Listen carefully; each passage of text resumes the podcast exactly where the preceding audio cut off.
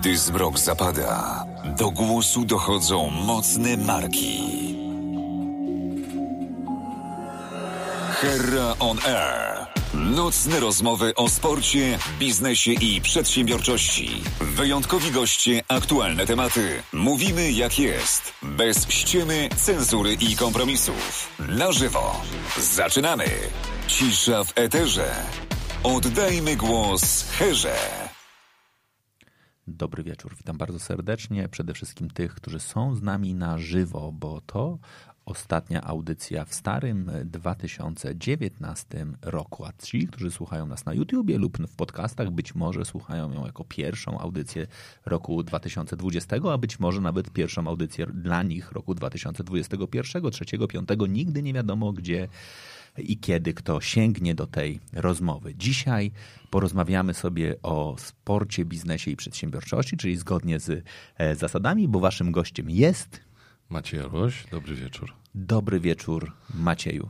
No właśnie, to jest, czy ja ciebie powinienem przedstawić, kim jesteś, czy to już jest trochę tak, że już nie trzeba cię przedstawiać i wszyscy wiedzą, kim jesteś? Pamiętam kiedyś, dawno temu, w latach 90. robiłem, robiłem taki program dla telewizji o, y, oko w oko, taki był cykl. Był?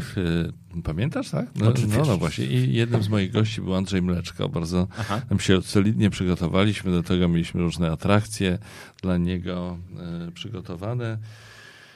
I było tak, że w którymś momencie rozmawialiśmy chyba o popularności albo właśnie o tym, jak przedstawiać. I on powiedział, że on nie chce, żeby go przedstawiać, bo y, z nim jest trochę jak z papieżem, że wystarczy powiedzieć y, Andrzej Mleczko i od razu wszyscy wiedzą. I, i wtedy on powiedział tak, czy jak ktoś mówi Jan Paweł II, to trzeba dodawać znany, popularny papież albo coś takiego.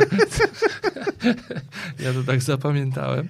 I oczywiście to wszystko są żarty, no ale ale y, ja bym wolał, żeby najbardziej bym chciał, żeby było tak, że właśnie nie trzeba przedstawić, wystarczy powiedzieć imię i nazwisko i wszyscy wiedzą o co chodzi, ale z pytanie o grupę wiekową, znaczy kto, kto nas ogląda, bo zauważyłem, że jednak dzieci to już mnie nie znają z telewizji, te, te takie zwłaszcza młodsze.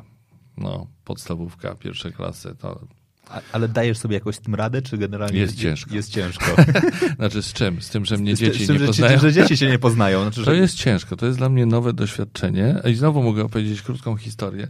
Y, byłem w szkole podstawowej w Bożęcinie, którą bardzo pozdrawiam, jeśli mnie ktoś od nich słucha, y, czy też nas ogląda y, na spotkaniu i tam siedziała cała podstawówka chyba w sali gimnastycznej. Pani dyrektor mnie przedstawiła, powiedziała o Telekspresie, o tym, że Jestem autorem książek dla dzieci i potem byli uczniowie, którzy przygotowali całą listę pytań, które zebrali od innych uczniów. I to tak szło, szło, szło i widziałem, że ja mówiłem o czytaniu, o książkach, mówiłem trochę coś tam o telewizji i widziałem, że i tak słuchają, trochę słuchają, trochę nie słuchają, jak to dzieci zresztą.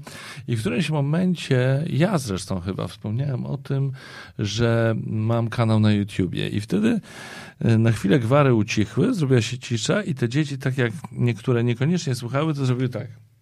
Hmm? hmm? Co? Co? Ktoś powiedział... ktoś takie powiedział, tak, ktoś powiedział kanał na YouTubie, ten pan powiedział kanał na YouTubie. Ma pan kanał na YouTubie? Mmm, to ciekawe. A jak pan się nazywa na YouTubie? A ja mówię, no po prostu macie Orłoś, znajdziecie. Okej, okay, to my będziemy oglądać i będziemy pana pozdrawiać. Rzeczywiście to się stało później, ale jeszcze puenta jest taka, że zapunktowałem jeszcze kolejny raz, mianowicie, a ile ma pan subskrypcji, ja powiedziałem zgodnie z prawdą, y, no już ponad 40 tysięcy. I wtedy było takie, naprawdę? O. I wtedy widziałem, że szacunek wtedy. Szacunek. Nabrali szacunku do mnie, nabrały te dzieci, potem ustawiły się do mnie w kolejce po zdjęcia, selfie, wiesz, i nawet autografy. Okej, okay, czyli generalnie absolutnie wszystko, co opowiedziałeś o swojej historii zawodowej przed YouTube'em nie miało dla nich kompletnie znaczenia, ale te 40 tysięcy się ustawiło po prostu Absolutnie, już. absolutnie i one i rzeczywiście dostaję do tej pory pozdrowienia z Bożęcina, pamięta pan, był pan u nas, ja, ja wtedy to tam lajkuję, serduszka daję i wszyscy są zadowoleni. Okej, okay, ale faktycznie ogarniasz media społecznościowe, w sensie jakby jesteś czujny i na przykład na, mm. na YouTubie jak ktoś ci pisze, to ty jesteś na tyle czujny, żeby tam jeszcze mu odpowiedzieć, skomentować i, y i to rozegrać? Tak, robię to ja, robię we wsparciu Adriana Jasińskiego, który w ogóle ogóle pomaga mi y, na YouTubie z YouTube'em, umawia gości, organizuje różne rzeczy. Więc trochę on, trochę ja, ale zawsze przeglądam komentarze. No, czasem przy tych bardziej popularnych filmach zdarza się tak, że tych komentarzy jest bardzo dużo i wtedy rzeczywiście y, dobrze, że jest nas dwóch. Natomiast jeśli chodzi o inne media społecznościowe, no tak, to zdecydowanie tak. Od pewnego czasu traktuję to poważnie, jako taki poważny, wiesz, środek, narzędzie do komunikacji z, z moimi odbiorcami i mam fanpage'a na Facebooku i mam konto na Instagramie i nagrywam Instastory. Naprawdę? I nawet przeszedłem szkolenie. Szymon Mierzwa, który, Aha, który tak jest, jest świetnym, znasz Szymona? Znam. No właśnie, to on mi zrobił szkolenie i dzięki niemu, wiesz, mój profil na Instagramie w ciągu tam roku, tak jak po prostu tak sobie trwał z, jaką, z jakąś liczbą tych obserwujących typu 3000, co było żenujące po prostu. I było, ja w ogóle już przestałem wierzyć, że to się może ruszyć. No i Szymon sprawił, że się ruszyło. Naprawdę? Tak, no teraz mam Czekaj, ja mam ponad 35 tysięcy, no, co dla mnie jest już naprawdę e, tak, dużym osiągnięciem. I to tam powoli rośnie. No.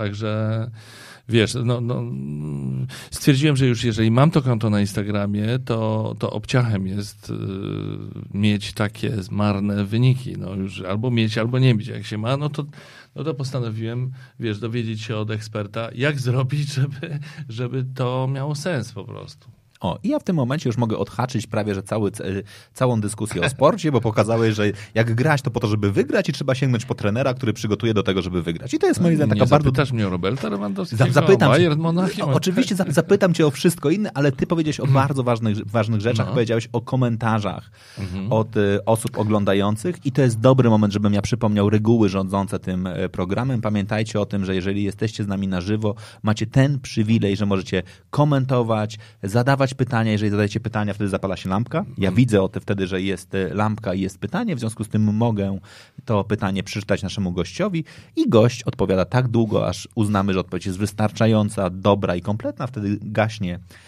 lampka i możemy przejść dalej. Taką mamy tutaj zasadę. W związku z czym bardzo Was proszę o to, żebyście byli aktywnymi dzisiaj e, widzami. Wiem, że być może wielu z Was jeszcze biega po sklepach, robi ostatnie zakupy, chociaż chyba już dużo galerii jest zamkniętych. Pozostali ubierają choinkę. Nie, wielu z nas szykuje się do świąt, ale mam nadzieję, że ta audycja będzie tak umilała gdzieś tam w tle.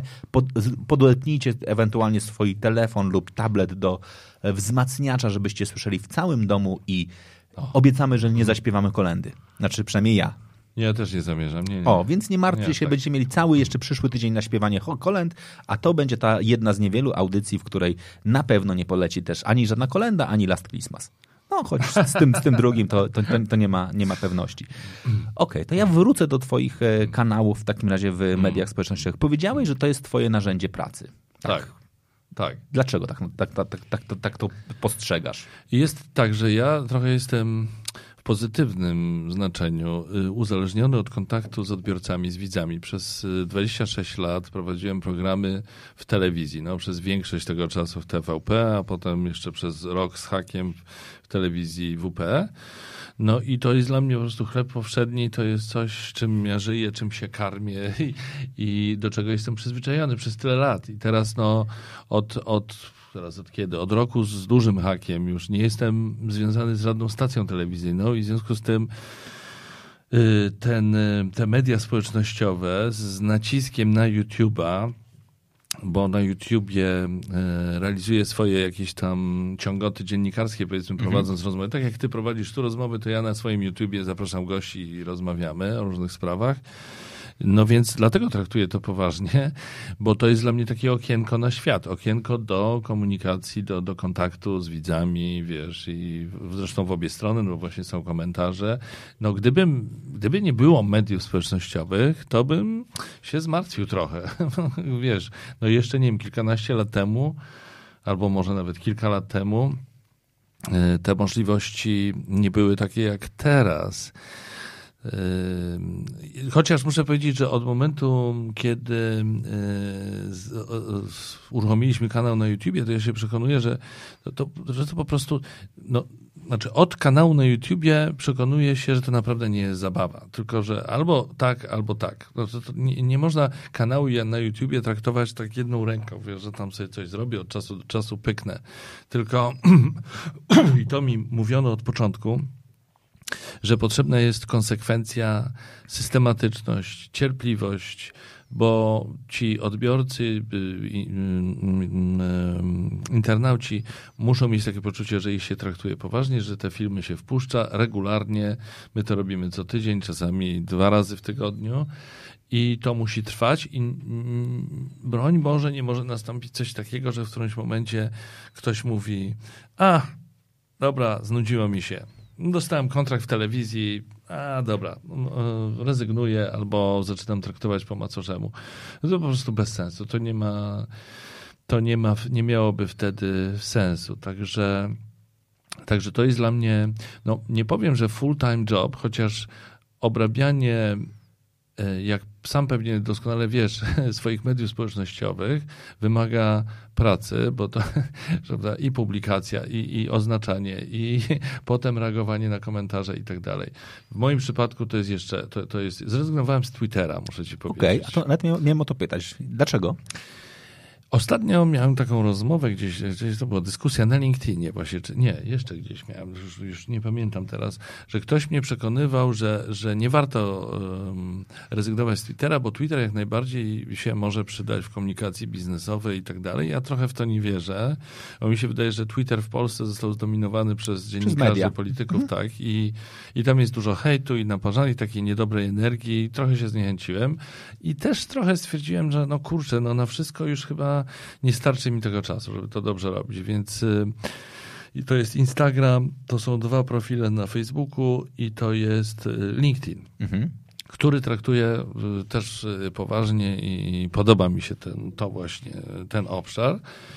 Ale zaraz, pytanie było jakie? Dlaczego, dla, dla, dlaczego nie Twitter? A, dlaczego nie Twitter? No to już odpowiedziałem mhm. chyba.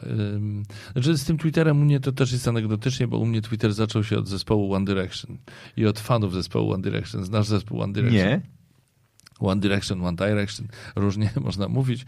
To był taki boys band, który powstał, irlandzko-angielski boys band, który powstał chyba w 2013, coś takiego. Jeżeli nas słuchają teraz fani to i coś źle mówię, to prawdopodobnie gromy się posypią, ale coś w tym rodzaju. To byli, no wiesz, pięciu młodych chłopaków, którzy został utworzony, znaczy z nich utworzono Aha. zespół, tak jak kiedyś Spice Girls. Tak.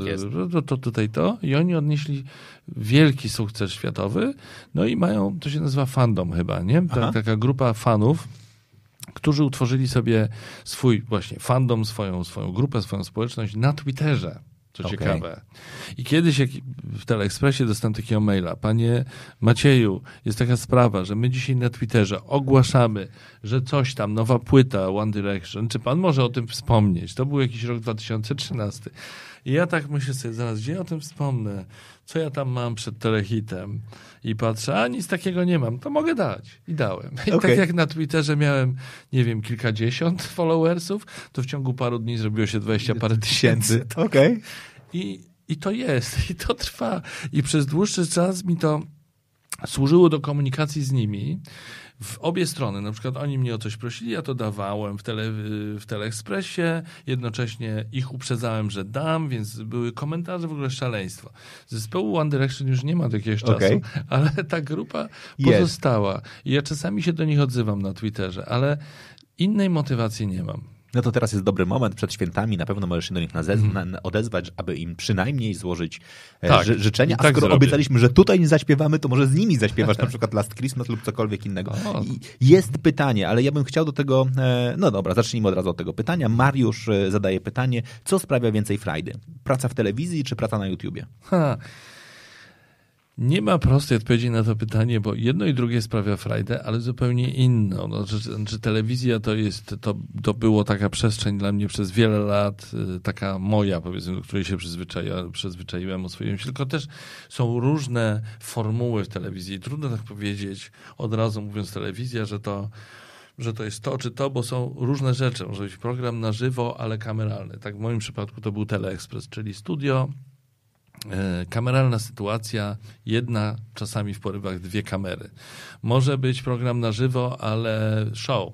Mhm. Na przykład to, co ja robiłem, to wielkie testy, które prowadziliśmy razem z Pauliną tak. Chylewską przez jakiś dłuższy czas i to było na żywo, ale też z publicznością w dużym studiu, duża produkcja, goście specjalni, wiesz, próby i tak dalej. Czyli zupełnie programy nagrywane. Na przykład jadę gdzieś w Polskę i nagrywamy i potem jest sztuka montażu, to powstaje na montażu i to się okazuje z opóźnieniem, więc jeszcze inna formuła, a więc w studiu, w plenerze, na żywo, nie na żywo, z publicznością, z publiczności, różnego rodzaju formuły, ale wszystkie je lubiłem. Okay.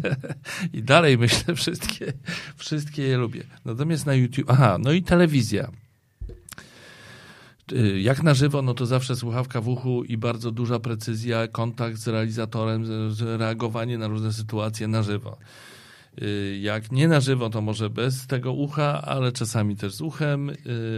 No i y, kwestie powtórek, ale zawsze jest to, jest się częścią takiej machiny, produkcji. Ktoś nad tym czuwa, ktoś ci sprawdzi teksty, ktoś ci coś podrzuci na ucho i tak dalej, i tak dalej. A na YouTubie, tak jak my tutaj prawie.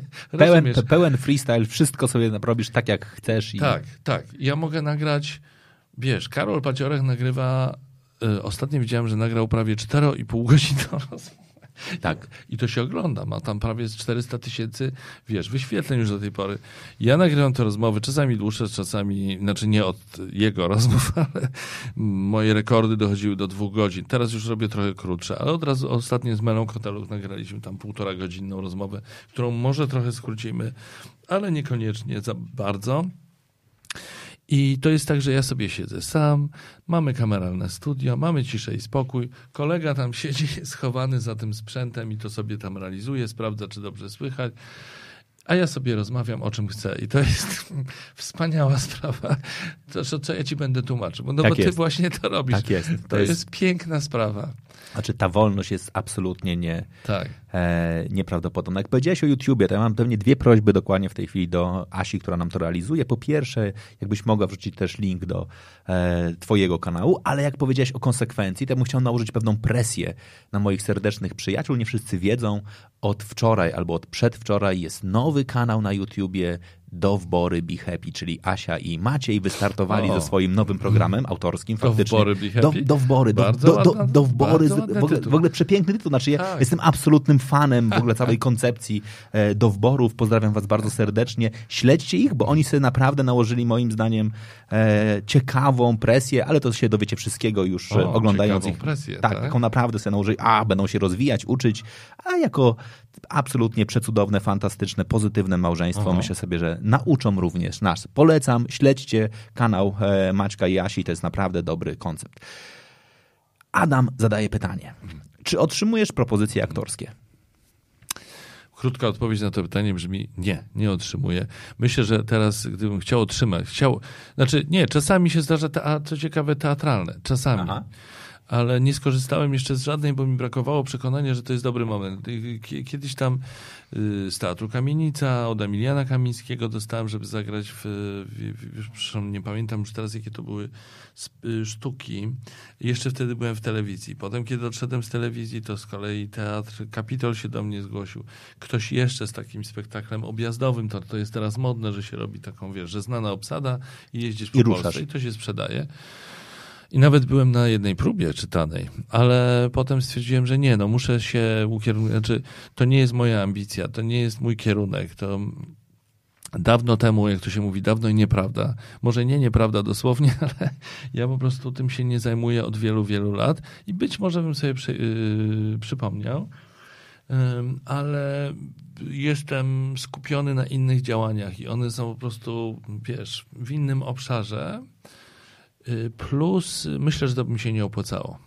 Nie? Znaczy od, od, strony teraz mówię już, już tak merkantylnie podchodząc do sprawy, że jednak bardziej opłaca mi się skupić na tym, co robię, na tych różnych rzeczach, które robię teraz, niż nagle przerzucać się choćby jedną nogą, ale w tamte działania, które by wymagały jednak czasu, zaangażowania, etc.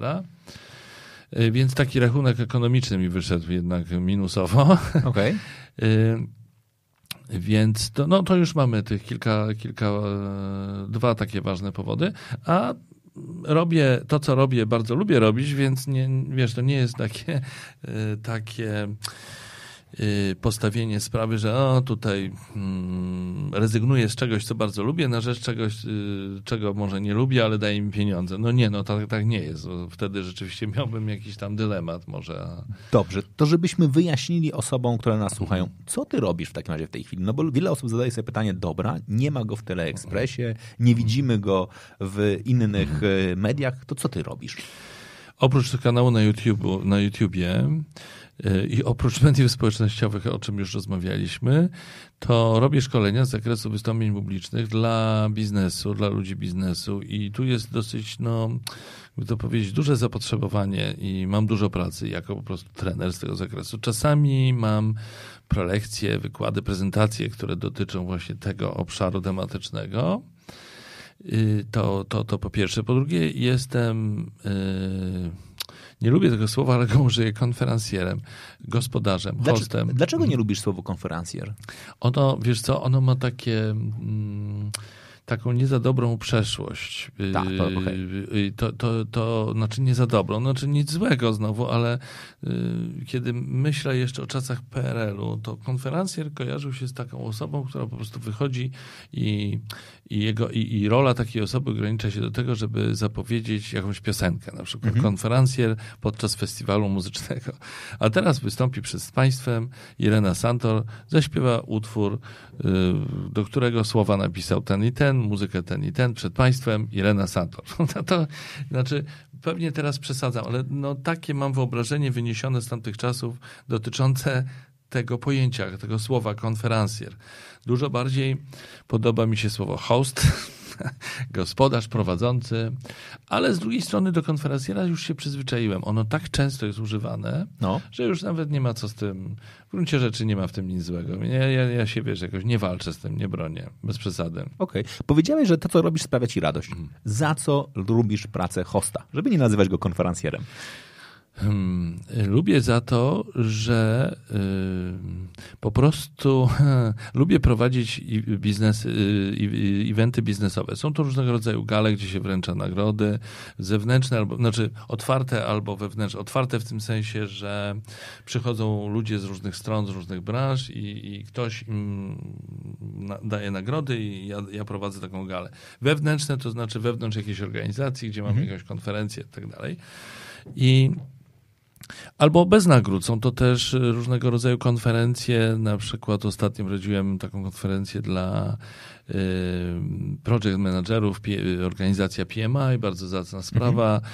I tam byli różni speakerzy, jak to się mówi, no, różni, różne osoby, które miały swoje prezentacje z Polski i z zagranicy. Częściowo to robiłem po polsku, częściowo po angielsku. Urozmaicenie. Y, lubię, y, lubię mm, wnosić taką wartość dodaną, która polega oczywiście nie na tym tylko, że się zapowiada tak na sucho kogoś, kto wystąpi, tylko że mam interakcję, że zahaczam do tego, co było, zanim zapowiem to, co będzie, że powoduje, że ludzie się uśmiechają, że jest dobry flow i tak dalej i czuję zwrotkę, to znaczy widzę, słychać takie rzeczy, wiesz, to widać i słychać i czuć, czy to się podoba, czy nie. A jak się podoba twoja praca, to naprawdę daje to dużą satysfakcję, więc, więc y, mnie to daje po prostu radość, bo czuję się w tym swobodnie. To jest mój chleb, chleb powszedni. Y, za każdym razem próbuję mieć pomysły, wymyślać coś takiego, co wiesz, na bieżąco nawet. Ja czerpię z tego, co się dzieje i, i wiesz, komentuję na żywo to, co się zdarzyło, ale jednocześnie dobrze to balansując, żeby nie, prze, nie przesadzić, wiesz, żeby, wiesz, nie rozbuchać się za bardzo, żeby to się nie stało o mnie, broń o Boże. Aha. Y, no i i myślę, że, że za, to, za to mnie cenią i, i, i, i, słyszę dobre recenzje. No więc duża satysfakcja. Po prostu, do, wiesz, bo to nie jest tak. Czasami ktoś mi zadaje pytanie, czy wystarczy, że ktoś ze znanym nazwiskiem się pojawi, już jest sprawa załatwiona. Nie, to się bardzo sprofesjonalizowało i nie ma zmiłu. Jeżeli przyjedzie ktoś ze znanym z nazwiskiem i położy imprezę, bo będzie nieprzygotowany, będzie się mylił, mylił nazwiska, kolejność i tak dalej, no to nazwisko nie pomoże. Po prostu ten ktoś położył nam imprezę. Co z tego, że tam, no fajnie, ktoś sobie zrobi selfie Aha. i komuś to, wiesz, zro- zrobi, no, da jakąś satysfakcję, że jakaś znana osoba się pojawiła. Nie, to musi być yy, okej, że to jest znana osoba, ale musi być do tego, no wiesz, po prostu z, musi to być dobrze zrobione, zawodowo zrobione, profesjonalnie bardzo i, i wtedy wszystko się będzie, wtedy się będzie wszystko zgadzać. Dużo pracujesz? Dużo pracuję. Mam, mam, przede wszystkim mam dużo szkoleń yy, i dosyć sporo właśnie takich rzeczy eventowych, to, czyli wy- wydarzeń biznesowych. Mówię, że biznesowych, bo czasami zdarzają mi się wydarzenia niebiznesowe, czyli na przykład kulturalne, gala jakieś, wiesz, literacka załóżmy, ale to rzadko. Głównie robię rzeczy biznesowe, które mają różny wymiar. Większe, mniejsze, bardziej lub mniej kameralne, otwarte, zamknięte, Ym, Także to, to, są te, to są te dwie, y, dwie moje główne aktywności, oczywiście nie, nie licząc YouTube'a. Okej. I O YouTube na pewno jeszcze sobie trochę e, porozmawiamy. Musiał się zatrzymać trochę na umiejętnościach prezentacyjnych. Od jak dawna szkolisz ludzi z prezentacji wystąpień publicznych? Lekko licząc, znaczy na pewno od 98 roku, Okej. czyli tu mamy już ponad 20 lat i to miało różne formy, bo po drodze miałem firmę, w, w, z, nie, nie, nie sam było nas trzech, dwóch, prowadziliśmy firmę, działaliśmy pod szyldem Szkoła Macieja Orłosia, to, było, to był przełom lat 90 i 2000 do, do połowy lat 2000, potem odeszliśmy od tej działalności z różnych powodów i, e, i robiłem to w różnych konfiguracjach, czyli szkolenia otwarte, szkolenia zamknięte, z, z, z grupą współpracowników. e, Potem coraz częściej robiłem to sam, teraz głównie to robię sam. W każdym razie no, tego było bardzo dużo. Od, od, od, no właśnie, tak jak powiedziałem, czyli 21 lat. Weźcie, jak przez ten okres z twojej perspektywy zmieniły się e, umiejętności prezentacyjne Polaków? Nie mam dobrej, y, prostej odpowiedzi na to pytanie y, i cały czas obserwuję. Na, na przykład właśnie prowadząc różnego rodzaju wydarzenia. No już taka choroba zawodowa. Ciągle patrzę i zbieram doświadczenia i widzę różne zjawiska. I ciągle widzę podobne błędy, które są Okej. popełniane. I to są. Tak, I to, to jest to samo. To właściwie, gdyby tak teraz się zastanowić, to niewiele się z, zmieniło. Myślę, że w tym biznesie z wyższej półki, czyli wśród menedżerów tych najwyższych szczebli, to pewnie jest lepiej. Okej. Znaczy już mają te 20 lat czy, jakby czasu, już nie, mieli szansę tak. się nauczyć trochę. No. Tak, myślę, że myślę, że tak, ale tak poza tym to jest ciągle.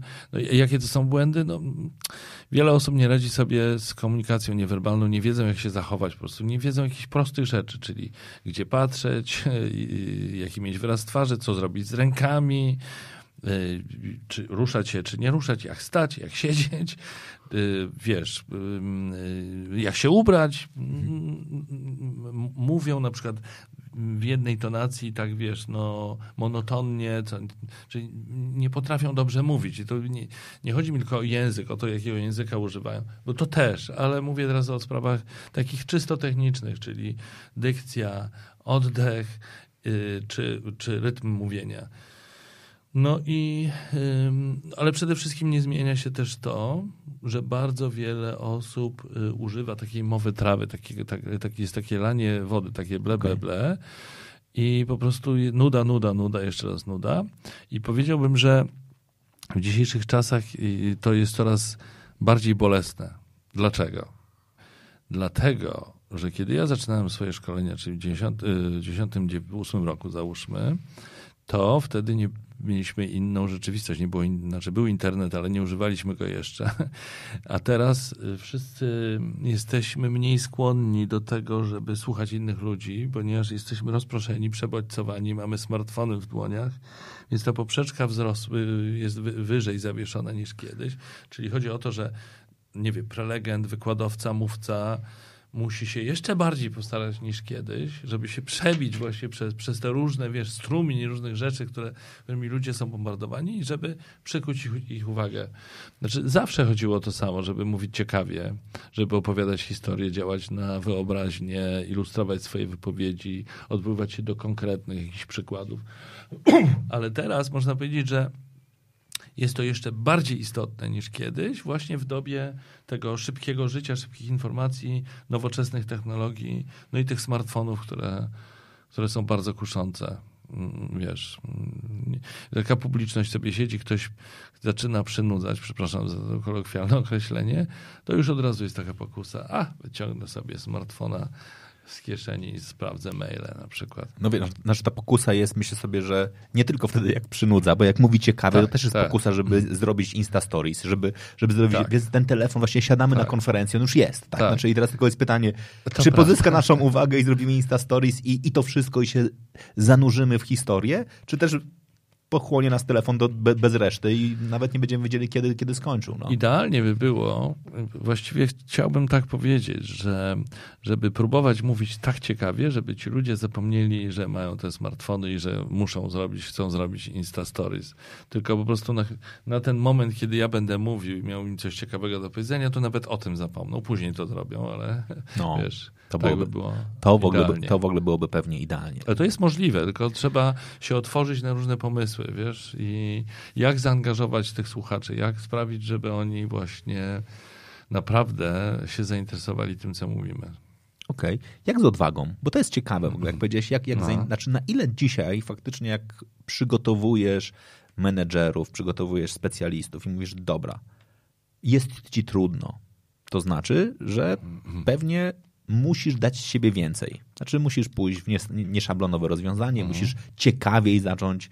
Jak mówimy o e, pracy na kontraście, to pewnie musisz tutaj naprawdę poszukać jakichś elementów, które są dla ciebie właściwe. Na ile dzisiaj ludzie w to wchodzą, a na ile mówią, do, nie, nie, nie, to, to, to co powiedziałeś jest ciekawe, ale, ale ja, ja, ja zrobię tak po, po staremu. To jest ciekawe, y, o co pytasz, ale z moich doświadczeń szkoleniowych wynika, że ludzie jednak w to wchodzą. Słuchają mnie i wchodzą. To daje dużą satysfakcję, bo, bo te szkolenia często trwają jeden dzień, ale zdarza się, że trwają dwa dni.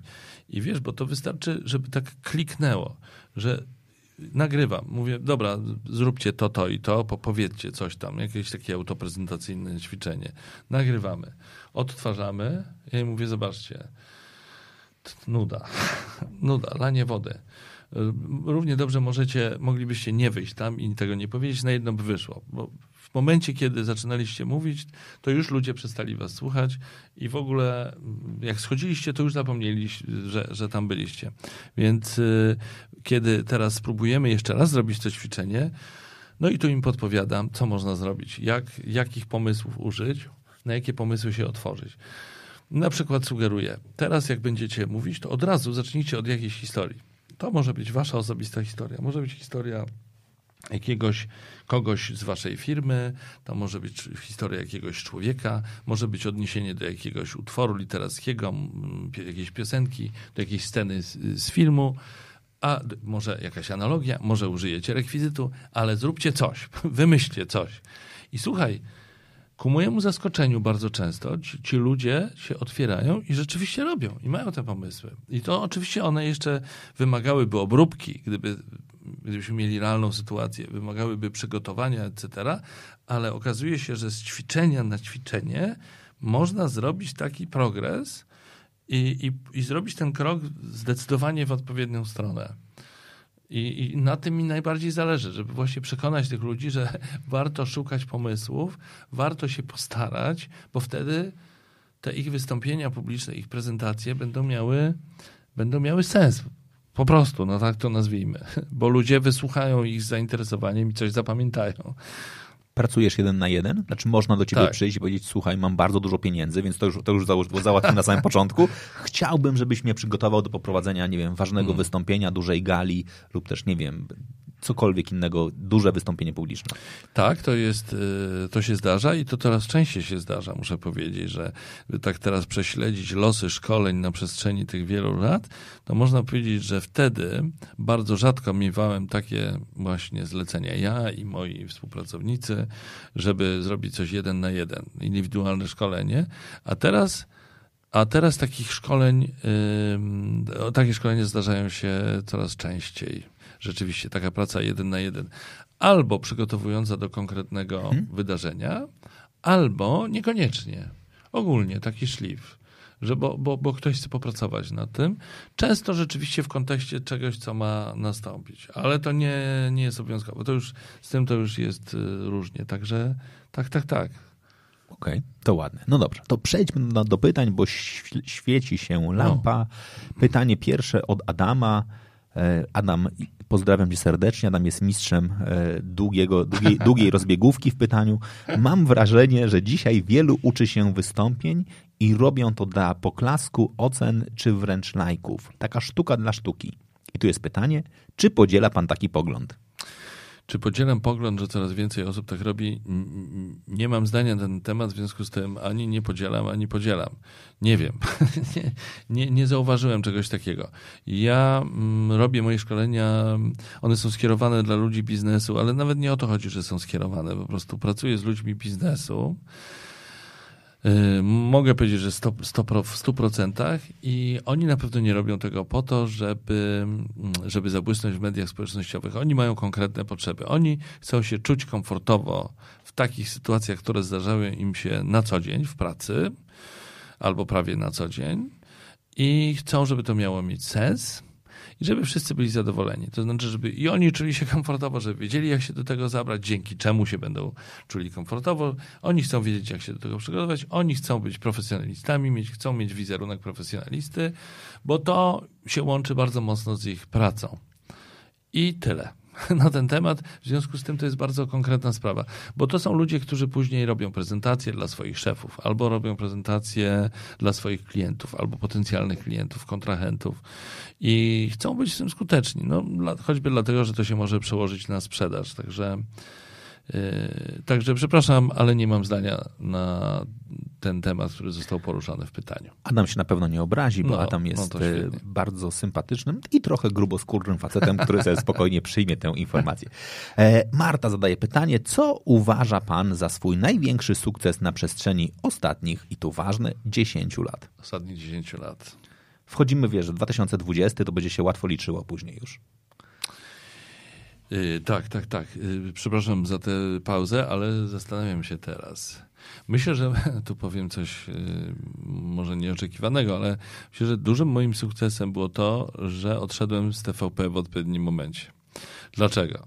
Wiem, że gdybym tego nie zrobił, to bym się zapętlił. To znaczy, nie wytrzymałbym tam długo tak czy inaczej, ale to, to odejście, jeszcze gdyby o to było przedłużane, mogłoby się stać coraz coraz trudniejsze z różnych powodów, również prawnych. Mm, prawda? Bo, bo załóżmy, że jakieś umowy były podpisane. Nie tak łatwo jest e, z pewnych rzeczy mm, e, zrezygnować wtedy, kiedy już jest jakaś relacja ustanowiona i mamy dokumenty podpisane, etc. No bo wchodzi życie i, i sprawy różne finansowe choćby. A poza tym chodzi o psychikę, to znaczy no, krótko mówiąc, gdybym się zaplątał i gdybym nie wyszedł stamtąd w tym momencie, który był dogodnym momentem, to później mogłoby być źle ze mną.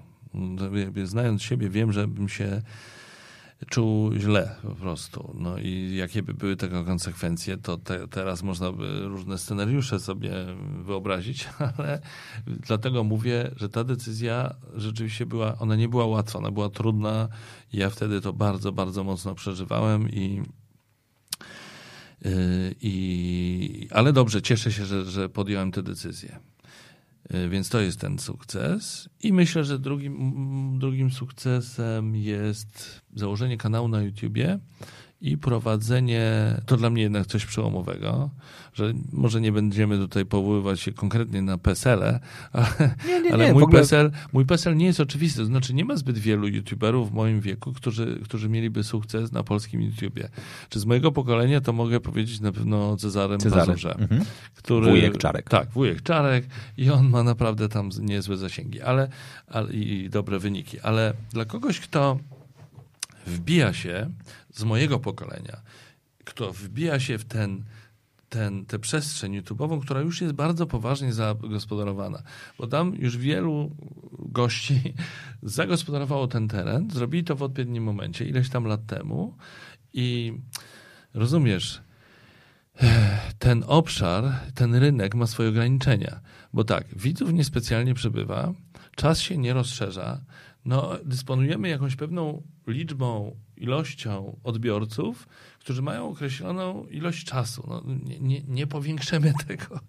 I teraz i teraz ktoś taki jak ja. I jeszcze jedna rzecz, jednakże krzywa demograficzna, która jedno, No jedno, jednoznacznie mówi, że Tak. przybywa Tak. młodych. Znaczy jakby, jakkolwiek byśmy tego nie liczyli, tak jest. No po Przybywa prostu. młodych na YouTubie. Na YouTubie, mówię, tak. Znaczy jakby to nie w sensie jest. odbiorców? Odbiorców, Czy... No odbiorców. Znaczy nie, no jakby z, z każdym kolejnym rokiem masz coraz więcej ludzi, który, dla których jesteś świeży. No po prostu. Znaczy, po A, prostu no tak, tak, no tylko właśnie. z YouTube'a i No jest właśnie. coraz mniej tych, którzy mówią, dobra, Nie, no to znaczy... To jest ten Maciej. Te, te, nie, ale wiesz, ja nie mam złudzeń. Znaczy nigdy ich nie miałem, a już teraz, kiedy mam ten kanał na YouTubie, nie mam ich tym bardziej. To znaczy nie mam złudzeń, że popularność telewizyjna przełoży się na popularność na YouTubie, przełoży się na wyniki na YouTubie. W, w ogóle tak nie działa. I to już jakby nie, niezależnie od tego, że, że wiesz, młodzi przychodzą i oni mnie z telewizji nie pamiętają, to po prostu tak nie działa, bo tam to musi być jakaś, jakiś tak zwany content na tyle atrakcyjny, pomysł jakiś na tyle dobry, żeby tych, tych po prostu no, zachęcić odbiorców, żeby poświęcili swój czas i, i, i obejrzeli, wysłuchali tego, co tam, co tam ja im proponuję. Także, yy, także dla kogoś, po pierwsze, z mojego pokolenia, po, po drugie, w takim czasie, kiedy już ten yy, obszar jest bardzo mocno ustabilizowany i zagospodarowany, wbijanie się w to nie jest takie łatwe i oczywiste. Więc dlatego uważam, że jeżeli mi w ciągu roku z niewielkim hakiem urosło od 0 do 40 tysięcy ponad, to bardzo no to, ładnie. jest, to jest całkiem nieźle. No to No. myślę sobie, że to jest naprawdę bardzo, bardzo, bardzo dobry wynik. O, Czego- dziękuję czego- ci Czego bardzo. ci serdecznie Tak. e, gratuluję. Mhm. Dobra. Będziemy sobie na pewno jeszcze o tym YouTubie rozmawiać, natomiast na chwilę chciałbym, żebyśmy przeszli do umiejętności wystąpień publicznych. Dariusz zadaje pytanie, jak walczyć z tremą? I jak pan Maciej, czyli ty, walczy z tremą, o ile zdarza mu się ją mieć? Masz tremę? Mm, y, To znaczy, ja właściwie chyba nie znam osób, które nie mają tremy tak w ogóle i brak tremy byłby niebezpieczny wręcz. Trema jest potrzebna, byleby była w odpowiedniej dawce, bo wtedy będzie ten odpowiedni, ta odpowiednia dawka adrenaliny pomaga nam w skupieniu, w, w mobilizacji i też dodaje odpowiedniej temperatury to się przekłada na, na kontakt z widownią. Widownia takie rzeczy czuje i potrzebuje, wszyscy potrzebujemy tem, tej temperatury. Rzecz tylko polega na tym, żeby to utrzymać w ryzach i żeby tego nie, żeby nie przekraczać pewnej granicy, bo wtedy trema może przeszkadzać, może utrudniać zadanie, już nie mówiąc w ekstremalnych sytuacjach, może wręcz paraliżować, chociaż to się rzadko zdarza, ale yy, jak zarządzać tremą, jak sprawić, żeby nie było jej za dużo. Przede wszystkim to jest sprawdzony przeze mnie sposób przez lata i naprawdę go polecam. Warto się przygotować. Jeżeli dobre przygotowanie naprawdę chroni nas, czyli im lepsze przygotowanie, tym mniejsze niebezpieczeństwo, że będzie za duża trema. Tylko co ja mam na myśli, mówiąc o przygotowaniu? Nie mam na myśli tylko tego, żeby sobie ułożyć drabinkę, scenariusz, konspekt tego, że będę mówić najpierw to, potem to, potem to, potem to. Nie, to jest za mało. Ja muszę sobie yy, przygotować się tak, żeby sobie samemu pomóc, czyli wesprzeć się jakimiś ciekawymi rozwiązaniami, fajnymi pomysłami, które ubarwią moją wypowiedź, które będą właśnie tą ilustracją do tych, do tych treści, które mam do przekazania i które mnie samego pociągną, dadzą mi takiego drive'a, dostanę błysku w oku i wtedy to... I, i oczywiście jeszcze chodzi o to, żeby znaleźć czas na to wszystko, żeby to sobie ułożyć, wymyślić, ułożyć yy, i potem jeszcze przećwiczyć. I yy, idealna sytuacja jest taka, że kiedy wychodzę już żeby zrealizować to, to, to coś, to zadanie, przeprowadzić prezentację, wygłosić wykład, to czuję się naprawdę tak, że ach, to jest żelazne przygotowanie. To jest jak aktor, który kiedy dochodzi do premiery, ma to, ma to, ma to poczucie, że to ma i on się wtedy nie denerwuje tym, czy kurczę, nie zapomni tekstu, tylko on się może skupić na tym, żeby dobrze zagrać. Dobrze zagrać. I jeszcze mu to daje frajdę, bo czuje się w tym dobrze, komfortowo, bo miał czas, żeby to wypróbować, etc. I, I wtedy naprawdę, y, jeśli coś takiego, jeśli taki proces, proces mamy, to, to, to jesteśmy chronieni przed zbyt dużą tremą. Mark Twain, powołuje się często na ten cytat, bo on mi się podoba, powiedział tak. Potrzebuję trzech tygodni na przygotowanie y, wystąpienia, żeby w trakcie móc swobodnie improwizować. Co się za tym kryje? To jest właśnie to. Co znaczy, że swobodnie improwizować? To znaczy, po pierwsze, że jeżeli coś mi przyjdzie do głowy, to ja sobie zaimprowizuję na bazie tego, co mam i się nie pogubię i tak zrealizuję swój plan. Albo jeżeli coś się wydarzy, to ja się od tego odbiję, nawiążę, yy, skomentuję i też będę się czuł w tym swobodnie, ale myślę, że tam chodziło jeszcze o coś innego. To znaczy, że jeżeli chcę mm, yy, zrobić takie wrażenie swobody, luzu, żeby ludzie pomyśleli, o kurczę, ale to jak swobodnie ten ktoś coś robi, to muszę dużo czasu spędzić na przygotowanie tego. I to dotyczy nie tylko wystąpień publicznych, to dotyczy koncertu skrzypcowego, fortepianowego. Ci ludzie naprawdę długo się przygotowują do tego, żeby później, jak, jak grają koncert skrzypcowy, żeby publiczność była oszołomiona, że im tak to lekko, że oni tak to lekko robią i takie to jest lekkie. I nie wygląda, żeby, że ktoś się tam, wiesz, męczy, wypruwa flaki. No i to, to, to tyle. Przygotowanie. Oczywiście są jeszcze inne sposoby. Dawaj, bo to znaczy ja trochę prawdę powiedziawszy, w świecie Tak. e, lifehacków, Aha. trików, stu sposobów na łatwych porad i w świecie instant, powiedzenie najlepszym sposobem na poradzenie sobie z tremą jest przygotować się, Mhm. Jest absolutnie trochę rozczar rozczarowujące. No kurczę, no to jest tak, No, wiem, Wiesz, no, no co zrobić. No. tak, tak, tak mówił mój dziadek, tak, tak mówił mój tata, ale dzi- dzisiejsze, wiesz, chcesz być youtuberem albo jesteś youtuberem, dzisiejsze pokolenie potrzebuje, wiesz, innego sposobu. To znaczy, Nie, wiesz, ma, nie, to... nie ma na tremę lifehacka Macieja? Nie, no, z- y, jest kilka rzeczy, o, O. których teraz powiem i one są takie, one się wszystkie składają. Czyli, czyli tak, y, wyspać się, pić wodę niegazowaną, y, ruch fizyczny dobrze robi, pobudza krążenie krwi, można zrzucić tego stresu, który na przykład jest w ramionach wcześniej, strząsając ten stres przed wyjściem przed kamerę czy przed publiczność, albo zrobić kilka przysiadów, albo wbiec po schodach, zbiec po schodach, tylko nie przed samym tym, żeby nie było zadyszki. Oswoić się z miejscem, w którym coś będziemy robić, bo wiele osób się po prostu boi tej sytuacji, bo jest nieznana. Gdzie ja będę mówić w ogóle? Więc jeżeli jest taka możliwa, możliwość zrobić próbę, próbę nawet generalną i tutaj no, na YouTubie, no nie wiem, no, YouTuberzy myślę nie boją się kamer, ja takiego zjawiska nie obserwuję. No, jeżeli ktoś się boi kamery, mikrofonu, to nie zostanie YouTuberem. Mi się wydaje, że YouTuberzy, ci, którzy mają sukces, uwielbiają w ogóle te sytuacje, kiedy... Tylko inna sprawa, że co innego nagranie, wiesz, w sytuacji takiej kameralnej, że mamy, mamy ja z kamerą, może, może ze smartfonem, ewentualnie jeden operator czy dwóch, a co innego, kiedy nagle wychodzę przed y, publiczność i tam siedzi, nie wiem, kilkadziesiąt, może kilkaset osób, może jeszcze. Światło, Światło, tak, tak, tak. Dlatego mówię o tej próbie generalnej, że jeżeli to jest tylko możliwe, to wejść w tę przestrzeń, sprawdzić, jakie będzie światło. Oślepi mnie, czy nie oślepi, czy jest komfortowe, czy nie. Można nawet coś skorygować, poprosić.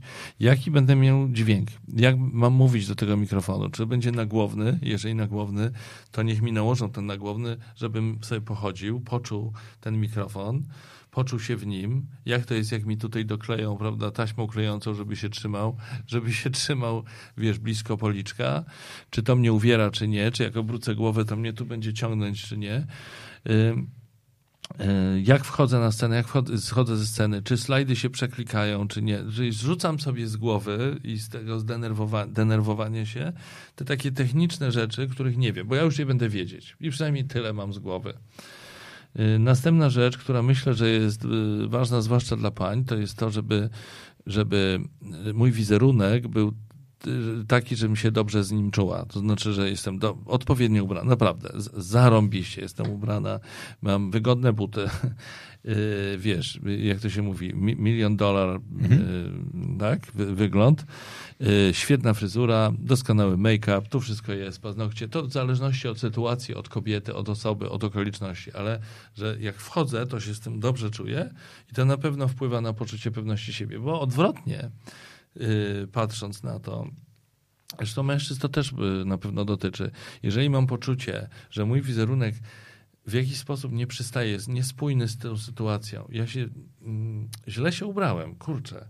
Tam siedzą goście w smokingach, a ja jestem smart casual ups, nie, nie za fajnie, no to wtedy to, to, to, poczucie pewności siebie na pewno jest mniejsze. Poza tym warto popracować nad pozycją siły. Jest coś takiego, polecam taki film na YouTubie, jest taka osoba, mm, Amy Cuddy, Aha. E, Amy Cuddy, tak. mhm. która jest, e, jakby się teraz powiedziało, naukowczynią tak. z Uniwersytetu Harvarda i która zrobiła badania dotyczące tego, w jaki sposób po, po, na, na jakby y, ciało, to, to co robimy z naszym ciałem, wpływa na naszą głowę. I z tych badań wynika, że przybranie pozycji siły, czy, czy siedząco, czy stojąco, czyli nie wiem, jak wstanę, będzie mnie widać. Będzie. Czyli jaka to jest pozycja siły? Pozycja siły to jest, jest coś takiego, że stoję tak, jestem otwarty, wyprostowany jak struna. Na, mogę jeszcze stanąć nawet na palcach, żeby, żeby być jak największym, żeby, żeby się rozszerzyć. Postać tak trochę i to sprawi, że poczuję się naprawdę wzmocniony, pewniejszy siebie. Jak będę siedzieć, to też chodzi o to, żeby nie siedzieć z pozycji skulonej na zasadzie o rany, ale będzie fatalnie, kiwam się, wiesz, jestem pozamykany na wszystkie strony, tylko jak siedzę. Ja jestem gość, rozumiesz? Ja jestem gość, ja to zrobię.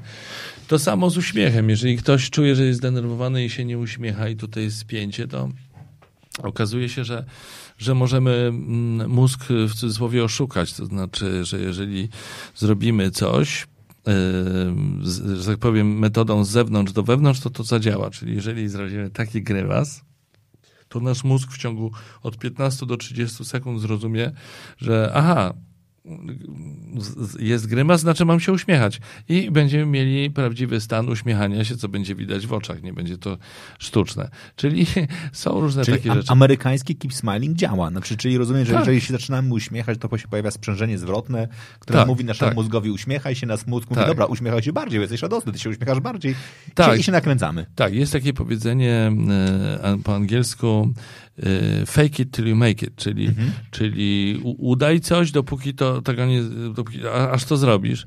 Ale Amy Cady mówi, żeby, że, że to bardziej powinno być, znaczy ona, ona ma inne hasło, fake it till you become it, czyli, okay. żeby, czyli, okay, czyli udawaj, aż się, aż tym, tym staniesz. Tym się staniesz. I, i to jest e, ciekawa sprawa, bo to jest taki, no można powiedzieć, trik, który, który ja tego używam, wiesz, ja czasami tak mam, że kurczę, już mi się nie chce uśmiechać, a, a trzeba zapozować do zdjęcia i ja wtedy, mój mózg już najwyraźniej Mówi, jest już przyzwyczajony. Nie. nie, nie, nie, ale właśnie jak mu tak zrobię, czyli zrobię tak i parę sekund i już, już się naprawdę, i się w oczach to pojawia.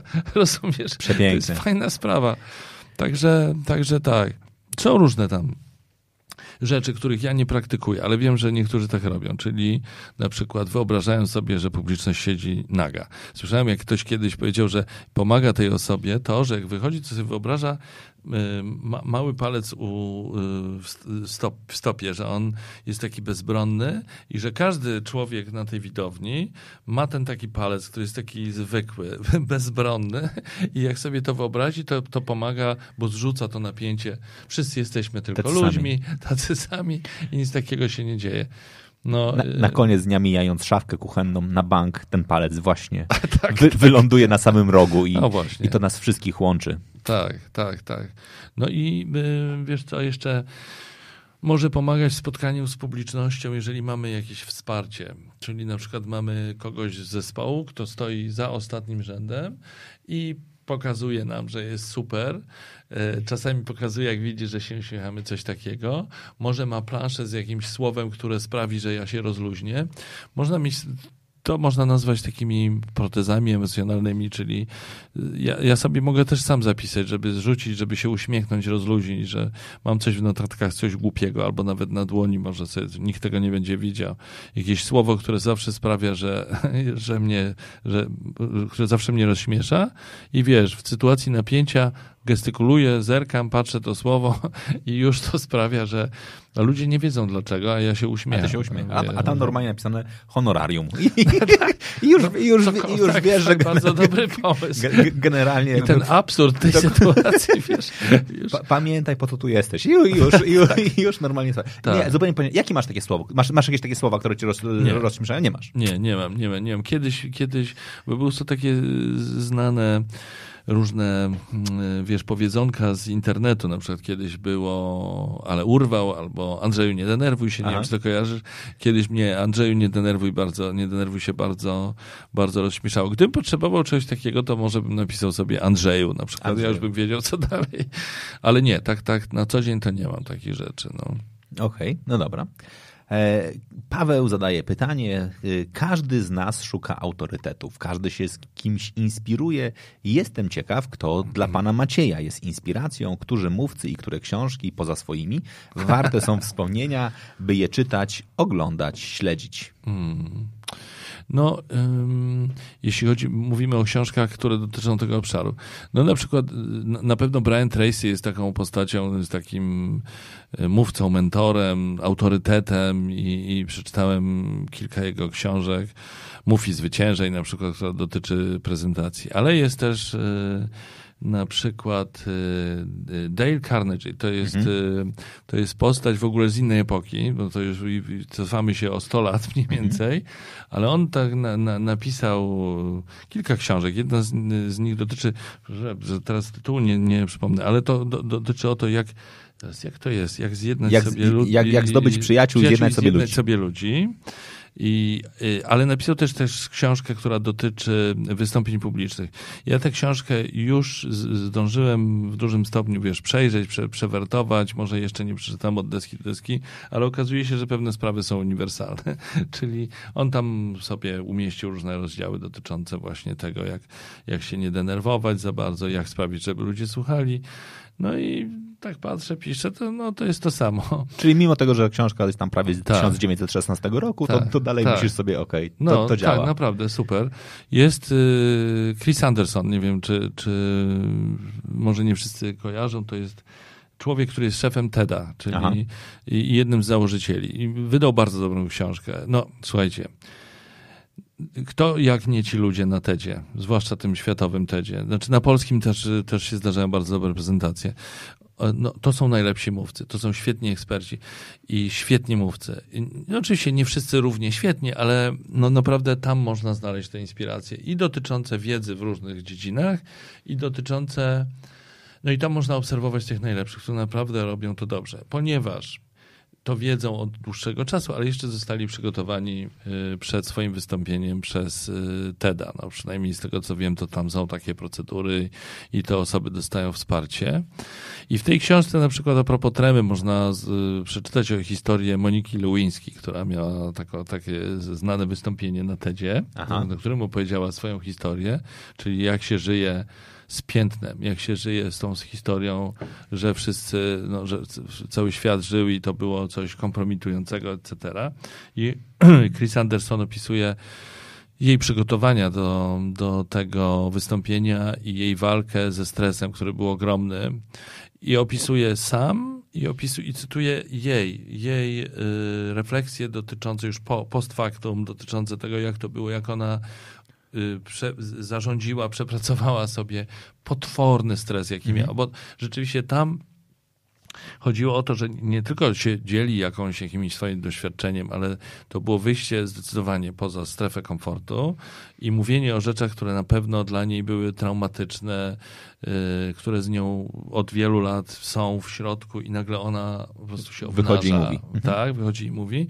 Więc ta trema dotyczyła też tego, no i, no i całej sytuacji, no bo to na tych konferencjach, tych dużych TEDa, to naprawdę jest stresujące, bo stoisz sam, na scenie, która jest oświetlona, są kamery, bo to jest rejestrowane i jest kilkaset ludzi, którzy nie są przypadkowi. To są ludzie, którzy chodzą na te konferencje, to są mózgi po prostu bardzo często. No i, no i ten człowiek stoi sam na scenie i, i, i dlatego też mówiłem tak tyle o przygotowaniu. Bo jeżeli nie ma przygotowania, to może być słabo. W takiej sytuacji to naprawdę jest zero-jedynkowe. To, to, to przygotowanie robi wszystko i, i można tam sobie sposob, z różnych innych sposobów dodawać te sposoby i się wzmacniać, ale przygotowanie jest esencją, jest w ogóle pod, podstawą, żeby dać radę w takiej sytuacji. No i by, by, można to znaleźć na, na YouTubie bez problemu, to wystąpienie Moniki Lewińskiej, zobaczyć jak sobie ona znakomicie poradziła. Naprawdę, to jest bardzo dobre wystąpienie. Czyli dla wszystkich, którzy e, w tej chwili szukają jakichś takich dróg na skróty magicznych napojów, które sprawią, że ty du, du, i już kolejnego dnia wyskakujesz i robisz fantastyczne prezentacje, rozczarowuje, rozczaruje was przygotowanie. Tak, ale też a propos książek, yy, bo wymieniłem trzech autorów, ale mm, książek jest sporo. Jest na przykład taka książka Mirosława Oczkosia, y, Sztuka mówienia bez bełkotania i faflunienia. Jeżeli ktoś chce sobie pochylić się nad swoim mówieniem, dowiedzieć się coś na ten temat, poćwiczyć dykcję, zrobić ćwiczenia oddechowe, to polecam tę książkę, bo tam jest wszystko na ten temat. Mirek po prostu jest naprawdę wspaniałym ekspertem i w tej książce ujął no wszystko co najważniejsze jest, czy tam płyta do tego jest dodana. Są publikacje różnego rodzaju, na przykład jest taka publikacja Harvard, harvardzka, czyli y, to jest y, Harvard ICANN Institute, czyli, czyli Business Review. Harvard Business Review. To jest to wydawnictwo i, i, i tam jest, jest tam, znaczy w tej serii można znaleźć książkę dotyczącą sztuki wystąpień publicznych. I w ogóle jak się poszuka, no to tego, tego, te, takich publikacji się znajdzie, y, się znajdzie trochę. No a ja powiedziałem o tych, które są mi najbliższe. Okej, okay, dobra. Jak mhm. reagujesz na sytuację, gdy któryś z twoich uczniów, wychodząc na scenę, robi podstawowe błędy? Jakiś taki, no, generalnie no, nie najlepiej mu idzie. Jak radzisz sobie z sobą? Nie, nie, bo to, bo to nie jest tak, że to, to się rzadko zdarza, żebym ja powiedzmy coachował kogoś, czy przygotowywał kogoś do jakiegoś wystąpienia podczas szkoleń, czy jeden na jeden, czy w grupie i potem obserwował ich, ich na żywo, podczas ich poczynań, ich, ich wiesz, no jakichś prezentacji to się niesłychanie rzadko zdarza. Po prostu ja, ma, ja, ja, ja, swoje zadanie wykonuję w ciągu tego dnia szkoleniowego albo dwóch dni szkoleniowych. Czasami wracamy do tych spotkań i robimy kolejne etapy, ale nie pamiętam kiedy byłem, towarzyszyłem temu mojemu podopiecznemu podczas. Nie pamiętam, naprawdę, no to tak nie, nie funkcjonuje przynajmniej w moim przypadku, w związku z tym nie przeżywam takich rzeczy, choć rzeczywiście zdarzyło mi się widzieć ludzi, których kiedyś tam szkoliłem, podczas ich y, wystąpień publicznych na jakiejś konferencji czy w mediach. Okay. No i kiedy, jeśli widzę, że jest fajnie, no to mam satysfakcję, nawet wysyłam wtedy y, mailowe pozdrowienie, czy SMS-owe, czy na Messengerze. ale mm, że, że, że było fajnie. Niektórzy proszą mnie o feedback wtedy. Mówię, o, widziałeś? No i jak? To, to proszę o uwagi. No okay. i tak sobie rozmawiamy.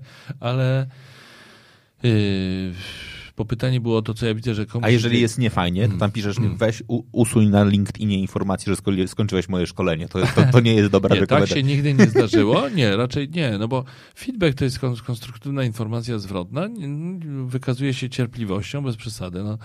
Y, jeżeli zauważam coś złego, to, to, to się zdarza tak, że piszę, nawet jeżeli mnie nikt o to nie poprosił, bo wiem, że mogę sobie pozwolić i ten ktoś jeszcze będzie wdzięczny i, i, i podziękuje. Tak, czasami się tak zdarza. To ładne.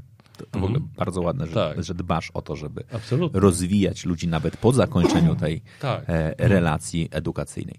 Dobra, zanim wrócimy, bo na pewno jeszcze wrócimy do, do prezentacji, ja bym chciał się trochę przenieść do czasów, kiedy podejmowałeś decyzję, że w ogóle trafiasz do telewizji. Jak to u ciebie było? Początki. Początki były takie, że... Znaczy to był początek w skrócie spróbuję to powiedzieć. Ja byłem w świecie innym, w świecie teatru, filmu, może no, w świecie teatru, filmu. Ale ty skończyłeś szkołę aktorską. Szkołę aktorską w Warszawie, Państwową Wyższą Szkołę Teatralną, która teraz jest Akademią Teatralną imienia Aleksandra Zelwerowicza. To się stało w roku 83. Myślałem też o tym, żeby być reżyserem teatralnym.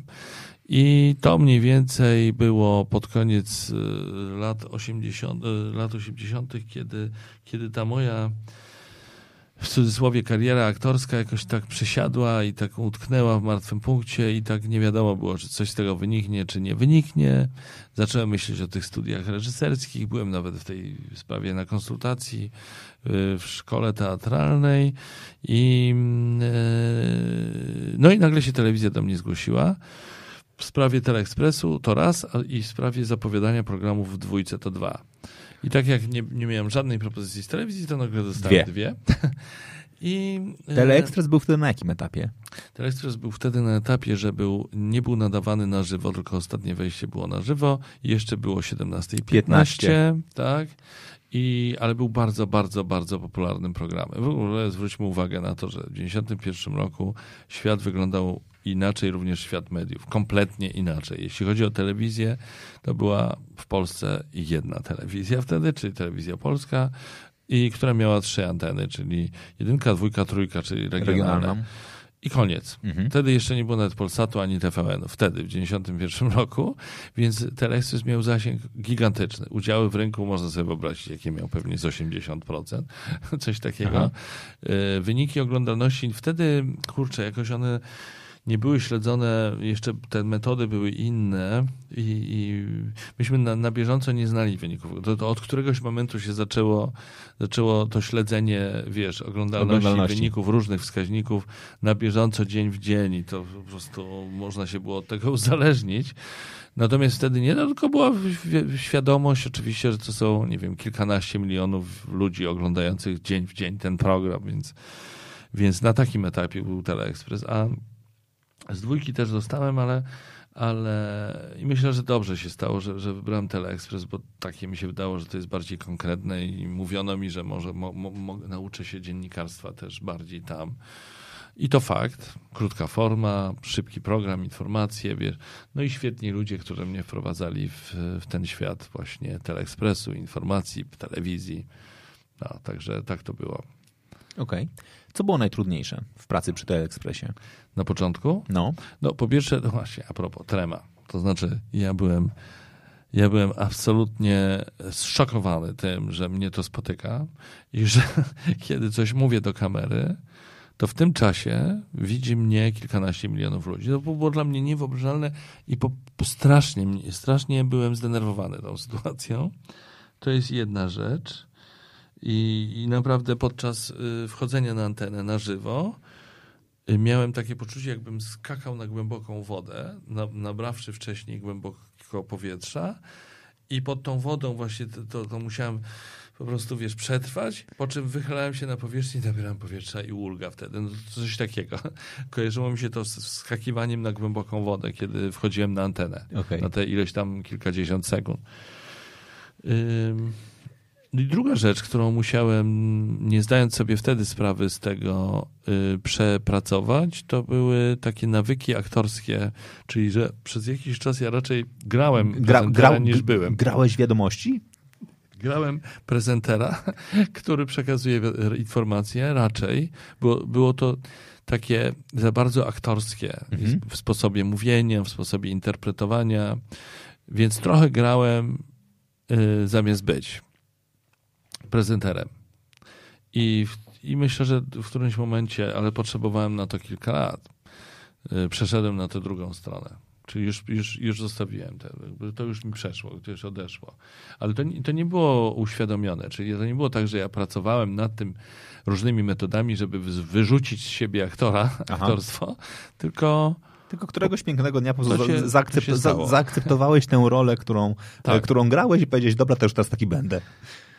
Nie, nawet nie tak. To po prostu się stało. Okay. Wiesz, to nie, nie myślałem o tym w ten sposób. To, to się musiało stać w którymś momencie. Czyli już bardziej stałem się prezenterem, w pewnym stopniu dziennikarzem, niż yy, wiesz, ten, to aktorstwo już przestało mieć znaczenie.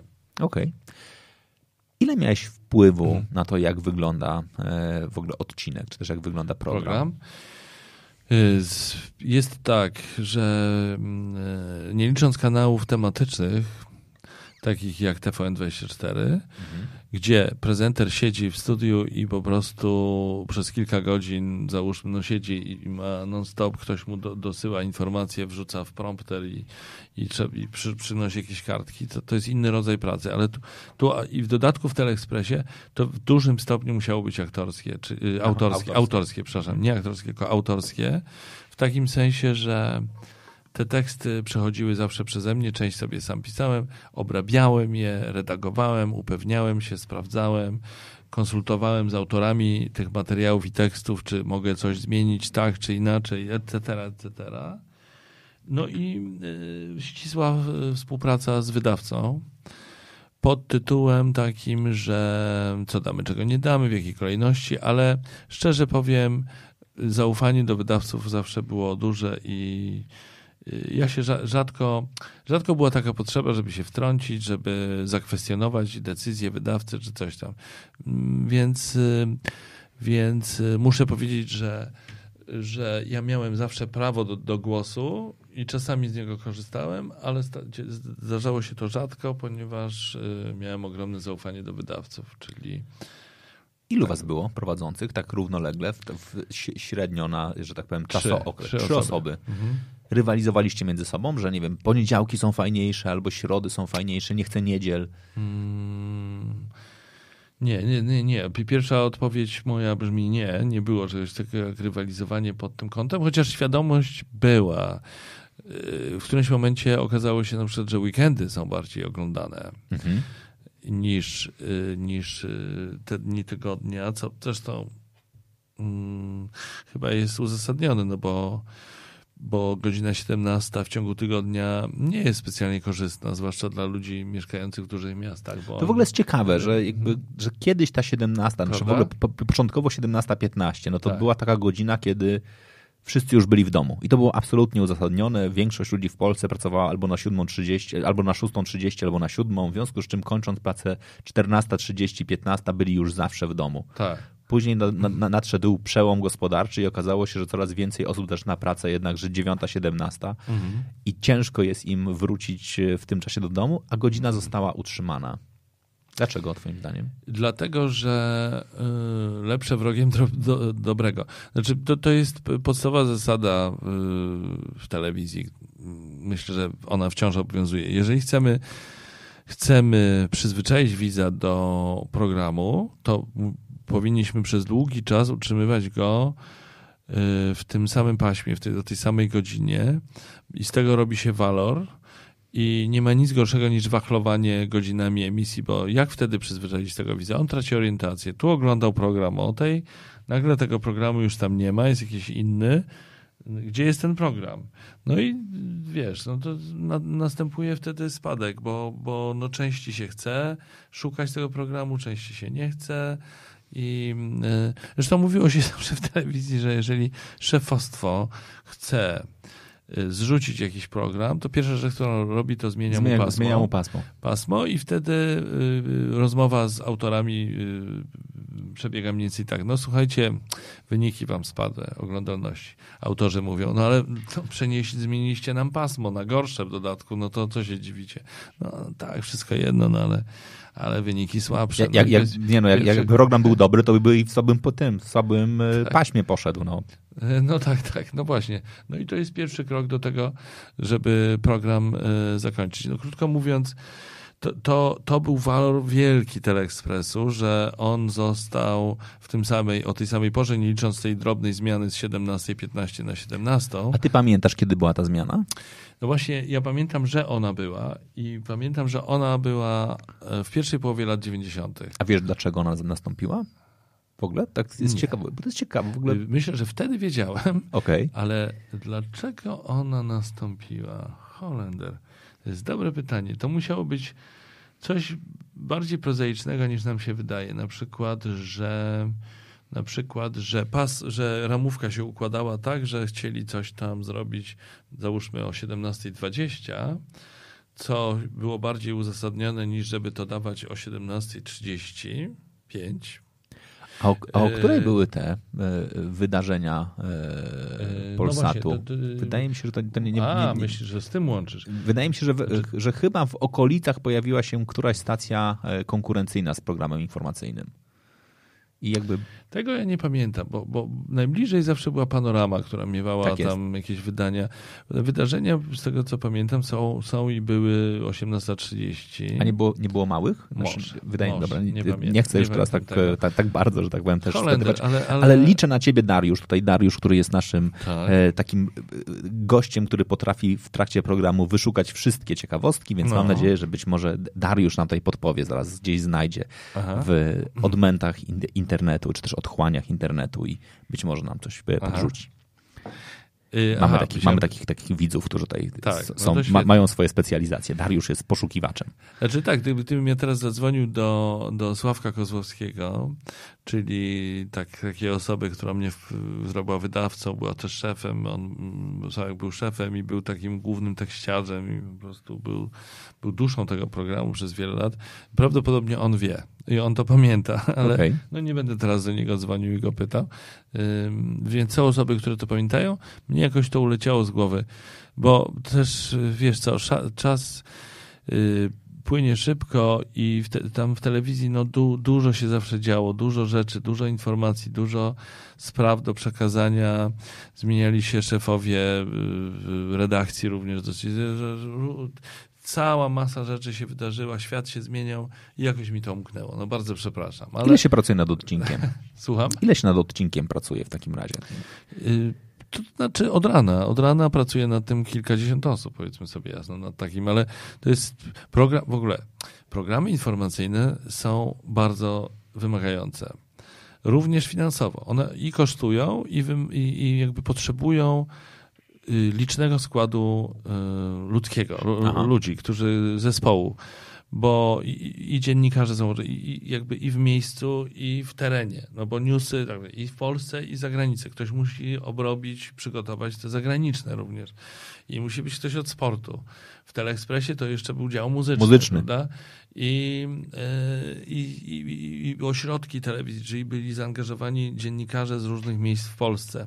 Potem masz realizację, a realizacja to nie tylko operatorzy, którzy jadą, którzy jadą na zdjęcia i dźwiękowcy, ale to też e, realizacja e, programu na żywo już w momencie, kiedy to się dzieje, czyli tam te dobrych kilkanaście osób nad tym pracuje i tak dalej. To, to, to po prostu skomplikowana produkcja, Dlatego jak ktoś mnie, parę razy słyszałem takie sugestie, że może ja na moim kanale na YouTubie bym zrobił newsy. No nie, no to jest, nie, nie to zrobię, to musi być aktualne, musi być codziennie, wtedy newsy mają sens. Muszą mieć no, całą te, te, te, to zaplecze, te, te, te bazę, muszą mieć zdjęcia, no to jest, y, można zrobić wariacje na temat newsów i to też raczej nie codziennie. I dlatego uważam, że telewizja ma przyszłość, bo pewne formaty są stricte telewizyjne. I zobaczmy, no, te, gdzie są programy newsowe? Programy newsowe są w, w trzech największych stacjach telewizji, bo one mają zaplecze, mają pieniądze, mają tę bazę, czyli w, w TVP są newsy, w Polsacie i w, i, i w Faktach. Y, mniejsze stacje próbowały robić newsy. Sam byłem w takich newsach, czyli w telewizji WP, ale okazało się po, dosyć szybko, że po prostu nikt tego nie wytrzymuje finansowo, bo strasznie dużo kosztuje, bo, bo, bo ludzie, bo, bo trzeba jeździć, bo trzeba to przygotowywać, zmontować, y, to jest wysiłek dzień w dzień i tak dalej. No, także Yy, zaraz, bo to ten, tam, ten mój monolog znaczy, dotyczył pytania, którego... Ten, ten, ten monolog dotyczył pytania, które trochę sobie sam zadałeś, że ludzie ci pytają, w, a, tak, tak, tak. dlaczego sam nie, nie prowadzisz jakby kanału, czy też a, jakby... a, a ty pytałeś o to, ile, ile to trwa. Ile to trwa przygotowanie. Od rana, od rana, od rana, czyli tam praca się zaczynała od kolegium o 9 rano mniej więcej, czy 9 z hakiem, no i do emisji. Do emisji, do tej 17 ileś tam osób, czyli najpierw są decyzje, co damy.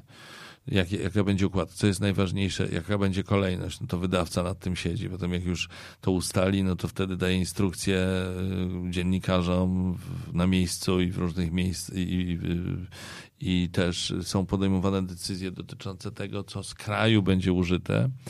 Potem y, wszyscy przystępują do pracy, czyli na przykład jadą na zdjęcia, muszą wrócić, podmontować, napisać teksty, ktoś te teksty musi sprawdzić.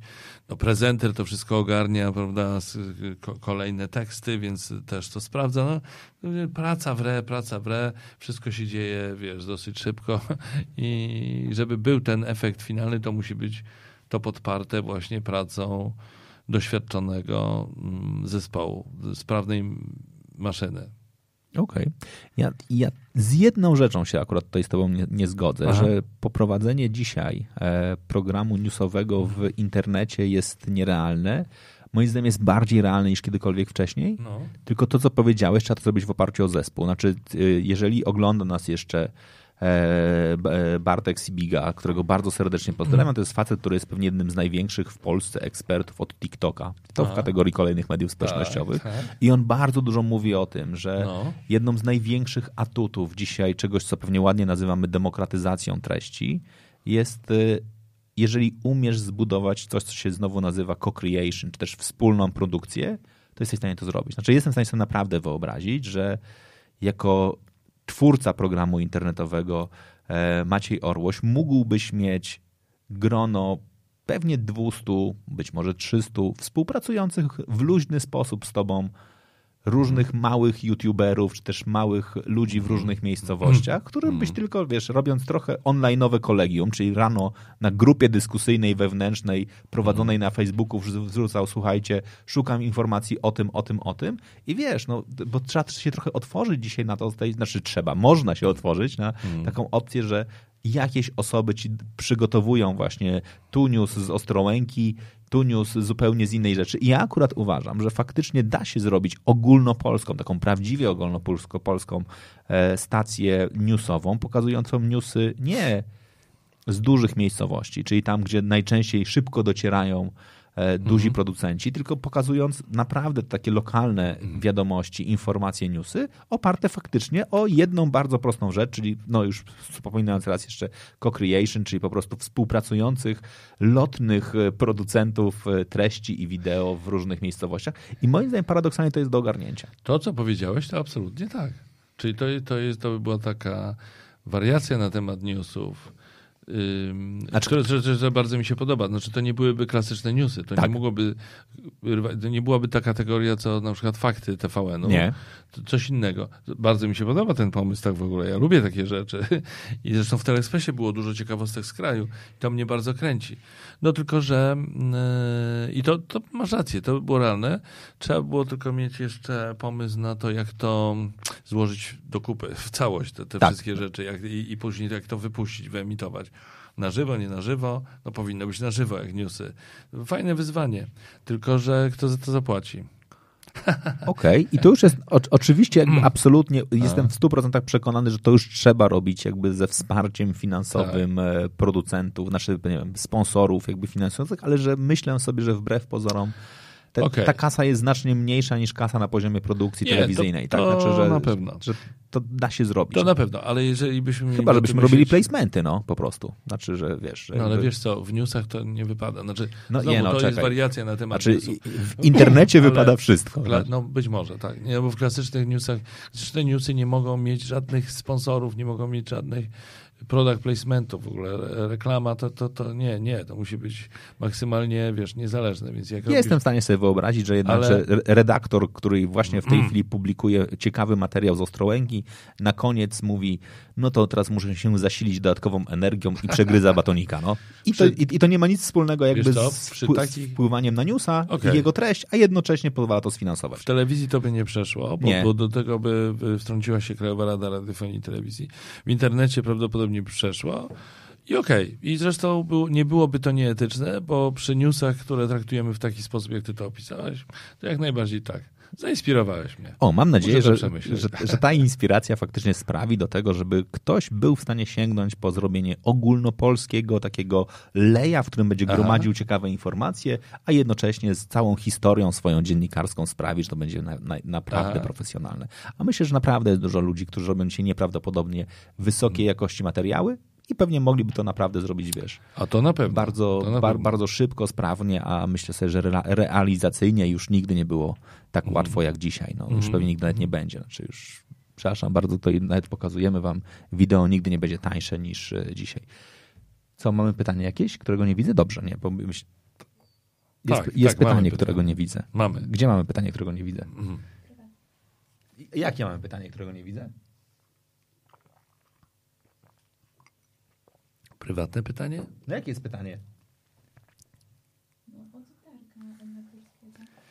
Od Darka jest pytanie, którego ja nie widzę. Przepraszam bardzo, musiałem się dowiedzieć, ale tylko nie, nie mogę się dowiedzieć, jakie to jest pytanie, niestety. E, ale muszę je znaleźć. Jak reagujesz na sytuację, gdy jego uczeń. Nie, to, czekajcie, nie, to już było. To już, to już, to już było to pytanie. E, muszę znaleźć być może. Ojejku, teraz mi się pojawiło bardzo dużo pytań. Faktycznie się gdzieś Wojtku, naprawdę, musiało no. normalnie coś e, e, tutaj e, zawiesić. Dobrze. Jest jakieś info o tym, że ostatni przekaz, a, że ostatni przekaz zag, zagraniczny był o 17. E, Co powodowało, czekajcie, mam tutaj całą historię, przepraszam No, no. bardzo, bo Dariusz nam faktycznie powiedział. Pewien pan z konkurencyjnej stacji dla TVP miał akcję z nagraniem, jak e, przeklina i opiernicza kogoś za brud. A, to nawet wiem Tak. kto. E, Czy pan Maciej ma w pamięci jakiś moment, gdzie ta gorsza strona jego jestestwa wzięła górę i wyładował się? Nie zostało to nagrane, bo by wypłynęło na jakimś, na kimś z produkcji. Masz jakieś takie historie? Nie, nie Typu, jedną, nie te- ale ja, nie już, w ja, już, ja już po- popominam jakby tamtą historię albo słynna historia, nie wiem. Z, Ja zresztą uważam, że ona była.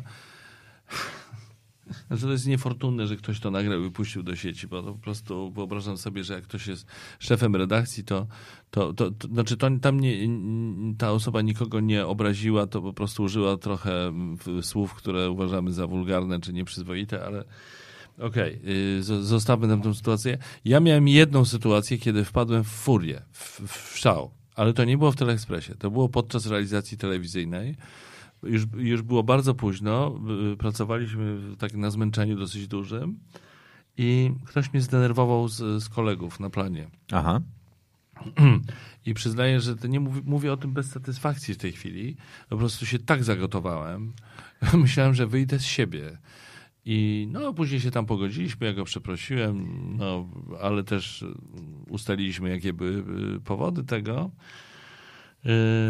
No, nikt tego nie nagrał, na szczęście.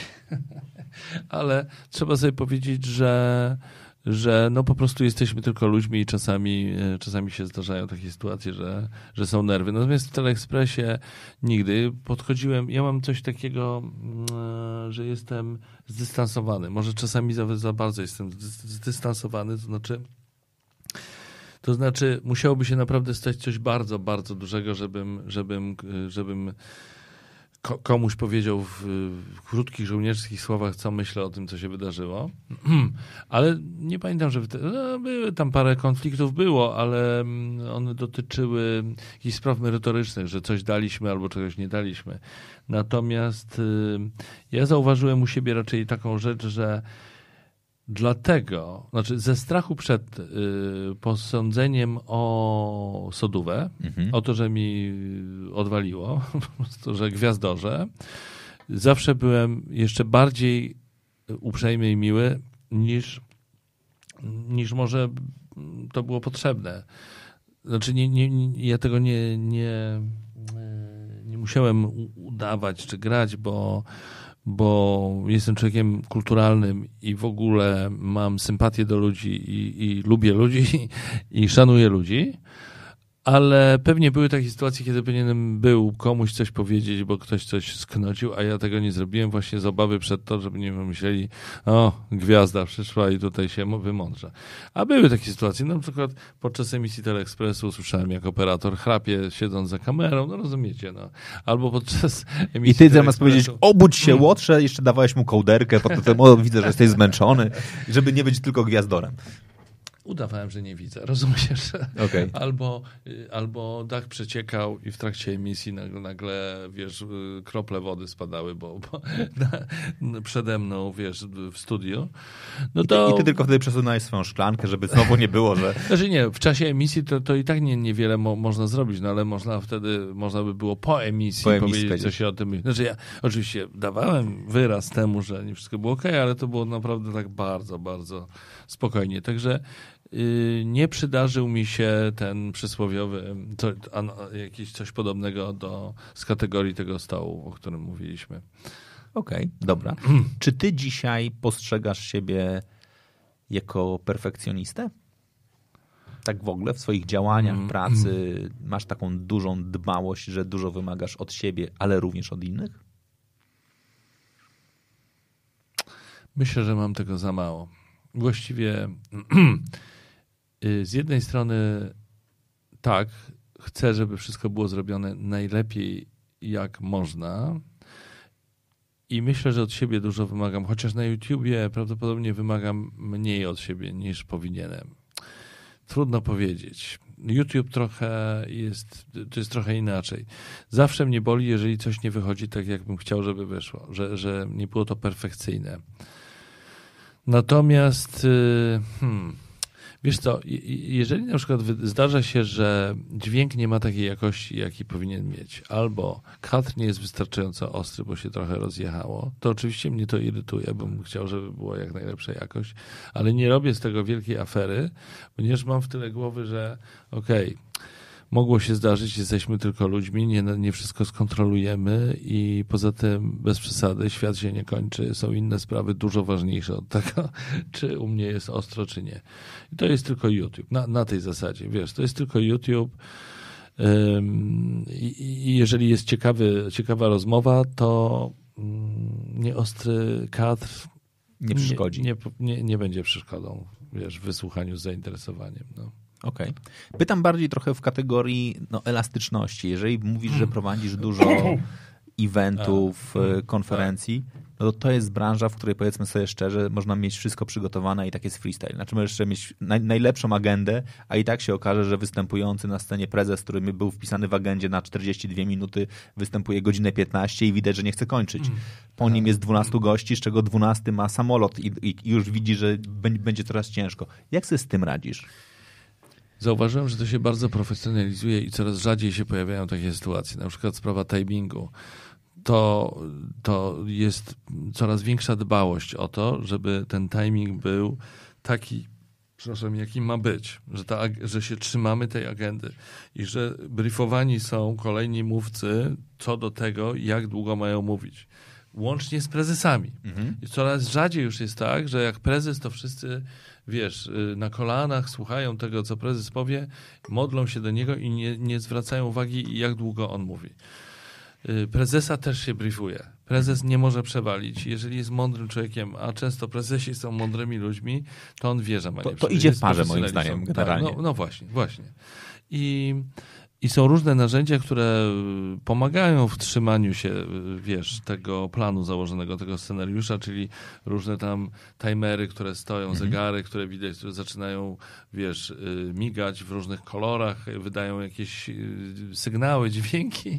Niedawno widziałem podczas prezentacji, że, że rozległa się taka, znaczy właśnie słyszałem bardziej niż widziałem, rozległa się taka syrena, po, po, kiedy już minęła minuta po, była minuta po, to rozległa się syrena i ta osoba ten, już, musiała już, nie zejść. Miała, już nie miała szans po prostu. No, już wszyscy wiedzieli, dobra, tej pani już dziękujemy. I, więc ja pamiętam sprzed y, powiedzmy 10 lat, to mniej więcej tyle czasu minęło na takiej konferencji biznesowej. Kiedy, jeszcze to był ten moment, kiedy to mniej, mniej było sprofesjonalizowane, ten timing i było tak, że był kongres gospodarczy, który się otwierał rano o dziewiątej i był gościem specjalnym, który miał przeprowadzić taki wywiad, wykład otwierający, czyli taki, taki yy, czekaj, bo mi teraz umknęło, jak się nazywa, jak jest taki wykład, wykład Główny, keynote. Yy, no taki keynote, tak, tak. To był bardzo znany profesor. Może nie, nie będę używać nazwisk, bo, bo pff, czy ja wiem, ale żeby się nikt nie obraził, ale to był bardzo znany profesor i on zaczął mówić i mówił, mówił, mówił i po godzinie jego mówienia. Nie wiem dlaczego ja tego nie widziałem w agendzie. Wiesz co, to było dziwne. To jednak było, musiało być dużo mniej profesjonalnie przygotowane niż by było teraz. W każdym razie przyszli do mnie organizatorzy ta, z, z, tej agencji, która to robiła i mówią tak, panie Maćku, niech pan coś zrobi, bo pan profesor, myśmy z, nim byli umówieni na 20-minutowy wykład, a on już mówi godzinę, jak pan widzi i nam się za chwilę wszystko rozjedzie. Wszystko rozjedzie. No. I teraz to był bardzo znany profesor. To nie jest łatwe zadanie. Jak sprawić, żeby ten ktoś przerwał? No, ja użyłem takiej, takiej metody, że po prostu wszedłem na scenę, stanąłem w odległości półtora metra od y, pana profesora, stanąłem i po prostu stałem. I w którymś momencie on tak rzucił na mnie okiem i powiedział, a, to mi chyba dają znaki, że mam kończyć. Dziwne, no dobrze, no to już będę kończył. Okay. I jeszcze pięć minut mówił i skończył. Y, wiesz, no, no to coś takiego zrobiłem. Ale przede wszystkim trzeba zrobić, co się da, żeby uchronić się przed taką sytuacją, żeby coś takiego nie nastąpiło, czyli przed. Okej, dobrze. Mhm. Mamy dużo informacji. Dariusz, bardzo Ci dziękuję za przeszukanie całości internet, internetu. Okazuje się, że nie jest najłatwiej znaleźć informacje o tym, e, e, dlaczego nastąpiła zmiana z 17.15 na 17. To, co udaje nam się e, dowiedzieć, to tylko, że do 1992 roku e, na żywo była tylko końcówka, a później już faktycznie cała, e, wszystko poszło na, na żywo.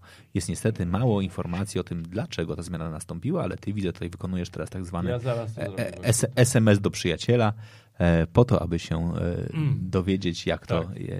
jak, jak to jest. Zaraz to zrobię i być może, jeśli jeszcze chwilę będziemy rozmawiać to w trakcie nawet pojawi się nam odpowiedź. Yy... Poczekajcie. Yy... Momencik, dobrze, dobrze, żebym mnie wysłał. Do kogoś innego. Ja, ja tak? A skąd mam to wiedzieć? Tak.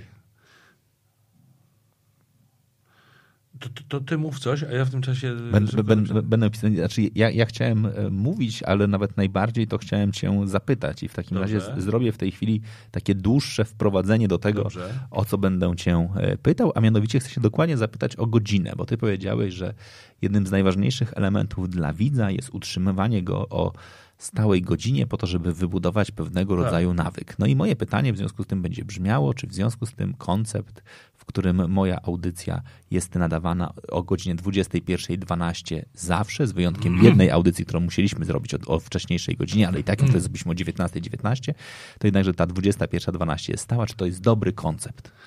Jako, pytam jako bardziej doświadczonego kolegę. Zdecydowanie tak. Naprawdę, to jest bardzo, znaczy, yy, bo bo to chyba też jest trochę inaczej niż na YouTubie. A na YouTubie wypuszczasz materiały o regularnie? Mieliśmy taki koncept, żeby to robić regularnie akurat konkretnie chodziło o poniedziałki. Co poniedziałek o godzinie 17. Potem to się z, z, różnych powodów produkcyjnych zaczęło nieco rozjeżdżać i nie trafialiśmy w tę 17, bo to też nam trzeba załadować, wiesz, i wypuścić. To nie, nie było takie łatwe, więc y, chodzi o to, żeby w ogóle w poniedziałek to się, żeby co poniedziałek się ukazywało, choć niestety co jakiś czas zdarzają nam się poślizgi i z poniedziałku robi się wtorek, załóżmy, ale i tak pozostaje, że ta regularność, że co tydzień. Natomiast w twojej audycji to od razu mi się e, spodobało, od razu pomyślałem, o, jakie, jaka fajna rzecz, bo przyzwyczajacie swoich widzów, odbiorców do tego, że zawsze ta sama pora... I w dodatku jeszcze dodatkową atrakcją jest to, że jest to pora nietypowa, że to nie jest pełna godzina, tylko 21.12. Pojawia się pytanie, dlaczego 21.12? Niezależnie od odpowiedzi, to już jest intrygujące. Jest, jest to się za tym kryje. Okay. To, to bardzo miłe, że że, że tak do tego e, Ale to, podchodzi. to trzeba trzymać teraz te, te, No, te porę. Jak na razie jak właśnie najdłużej. nie, niedługo nam minie po pierwsze rok e, O, na- nadawania, po drugie jesteśmy już bardzo blisko setnego odcinka, więc zaraz na początku stycznia myślę, Ha! że będziemy mieli setną, e, se- setny odcinek. To jest w ogóle może dobry pomysł też dla słuchaczy, żebyście mogli na przykład Mm. napisać w komentarzach, kogo byście chcieli e, zobaczyć w setnym odcinku, czyli z kim ta rozmowa miałaby się e, odbyć. Może mamy taki pomysł, na przykład kogo byście chcieli tutaj e, sobie spotkać. Jeżeli mógłbym prosić, to trzymajmy się gości z Polski. Tak? Bo- No właśnie, bo już chciałem zacząć wymieniać. Właśnie, właśnie chciałem powiedzieć. A ty właśnie. Jaki jest w ogóle taki, nazwijmy to, główny leitmotiv, czy też jakby myśl przewodnia twojego programu na YouTubie? Y, Taka, żeby się spotykać z ludźmi, którzy robią ciekawe rzeczy z zakresu kultury, y, czasami biznesu, ale ja jeszcze nie poszedłem, teraz chcę iść y, bardziej w stronę biznesu i jakby w ramach mojego kanału, ale mm, w innych przestrzeniach czasowych, jeśli chodzi o wypuszczanie, robić z ludźmi biznesu. A tak to robię po prostu rozmowy z, bardzo często z artystami, ale też z youtuberami, którzy, y, wiesz, mają błysk wokół, y, realizują swoje pasje. Jestem ciekaw tych ludzi, jestem ciekaw, co mi powiedzą. Robię oczywiście research i to wiadomo i się jakoś przygotowuję, mam jakiś plan na każdą rozmowę, ale naprawdę jestem ciekaw, co mi powiedzą. Takim przykładem z ostatnich miesięcy może być Andrzej Seweryn, którego jest po prostu gigantem, no, wielką postacią. I naprawdę byłem ciekaw, jak mi ja, tych odpowiedzi na te pytania, które przy, przygotowałem, które dotyczyły różnych y, znanych postaci polskiego teatru, y, wybitnych postaci. Ciekaw byłem jego wspomnień, jego relacji, ale też byłem ciekaw tego, co, co sądzi na temat swojej, swoich różnych wyzwań, które są, co jest dla niego najważniejsze. I, i to właściwie Ostatnio y, osoba zupełnie z innego, z innej beczki, z innej bajki, czyli Anna Jędrzejczyk, czyli nasza mistrzyni MMA, MMA. Prawda? Która, która znalazła czas i przyszła. Jeszcze ten wywiad nie został opublikowany, ale ja po prostu, oczywiście coś tam wiem o MMA. Jakieś tam walki się od czasu do czasu ogląda, ale nie jestem ekspertem. Ja byłem bardzo ciekawy, jak tej osoby, jak ona co to dla niej wszystko znaczy, wiesz, jaka to jest robota, jaka to jest, jakie ona ma emocje związane z tym, jak to jest ważne, jak przeżywa porażki, etc., etc. I, no i po prostu, jak już wspomniałem wcześniej, lubię ludzi, ale też bardzo lubię ludzi z pasją i jestem ciekaw tych ludzi.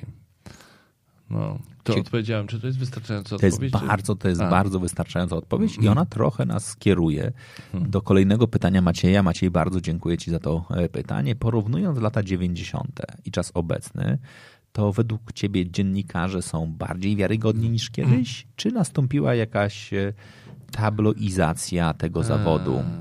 Co myślisz o tym szczerze? Szczerze to myślę, że yy, no, no więc tak, są tabloidy i są, i są portale yy, tabloidowe, ta, ta, tabloidalne, tabloidowe. Wiadomo, one są i są, jest również prasa plotkarska, brukowce, różnie się mówi na to, no, już bez wymieniania tytułów, ale wiadomo o co chodzi. Pytanie, czy poważne tytuły, czy poważne portale, poważne magazyny, poważne poważne tytuły prasowe, czy one się, mm, e, jakby to powiedzieć, z- jakby pomóż mi Wojtku, Stabloidyzowały. czy, czy obniżyły loty, czy coraz więcej przestrzeni poświęcają, nie wiem, plotkowaniu albo opisywaniu życia jakichś Jest, są takie kolorowe pisma, to wiemy o tym, natomiast nie zauważyłem, żeby w poważnych gazetach, yy, też bez wymieniania tytułów, ale wiadomo o które chodzi, tudzież w poważnych tygodnikach opinii jakoś było więcej tego typu treści, bo to się lepiej sprzeda i w związku, ponieważ chcemy się lepiej sprzedawać, to, to, to sobie zmienimy proporcje i u nas już będzie mniej poważnych materiałów dziennikarskich, a będzie sporo plotek i tak dalej. Nie ma czegoś takiego.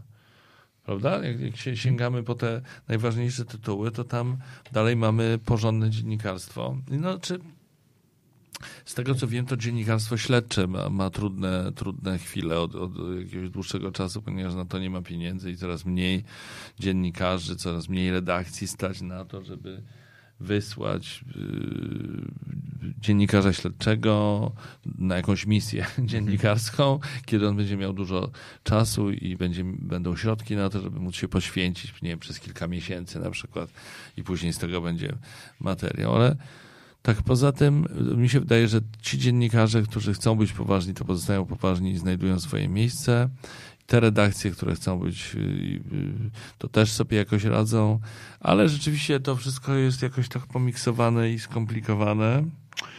A co ty, Wojtku, o tym sądzisz? To ja nawet ci podpowiem, bo jest no. takie trochę roz, rozwinięcie tego pytania. Nie chodzi tylko i wyłącznie mm. o media, czy też no. jakby o ten, ale o osoby. Znaczy, czy dziennikarze. Znaczy, to jest w ogóle trochę pytanie no. pewnie o wiarygodność dziennikarza. Kiedyś mm. było łatwiej, czy dzisiaj?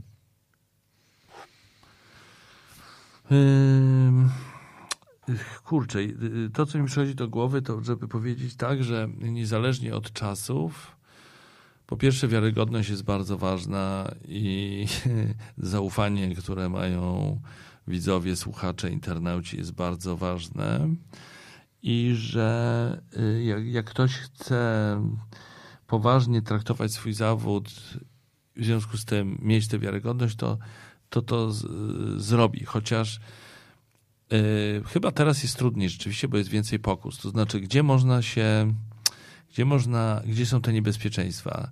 No, w, w, na przykład w mediach społecznościowych.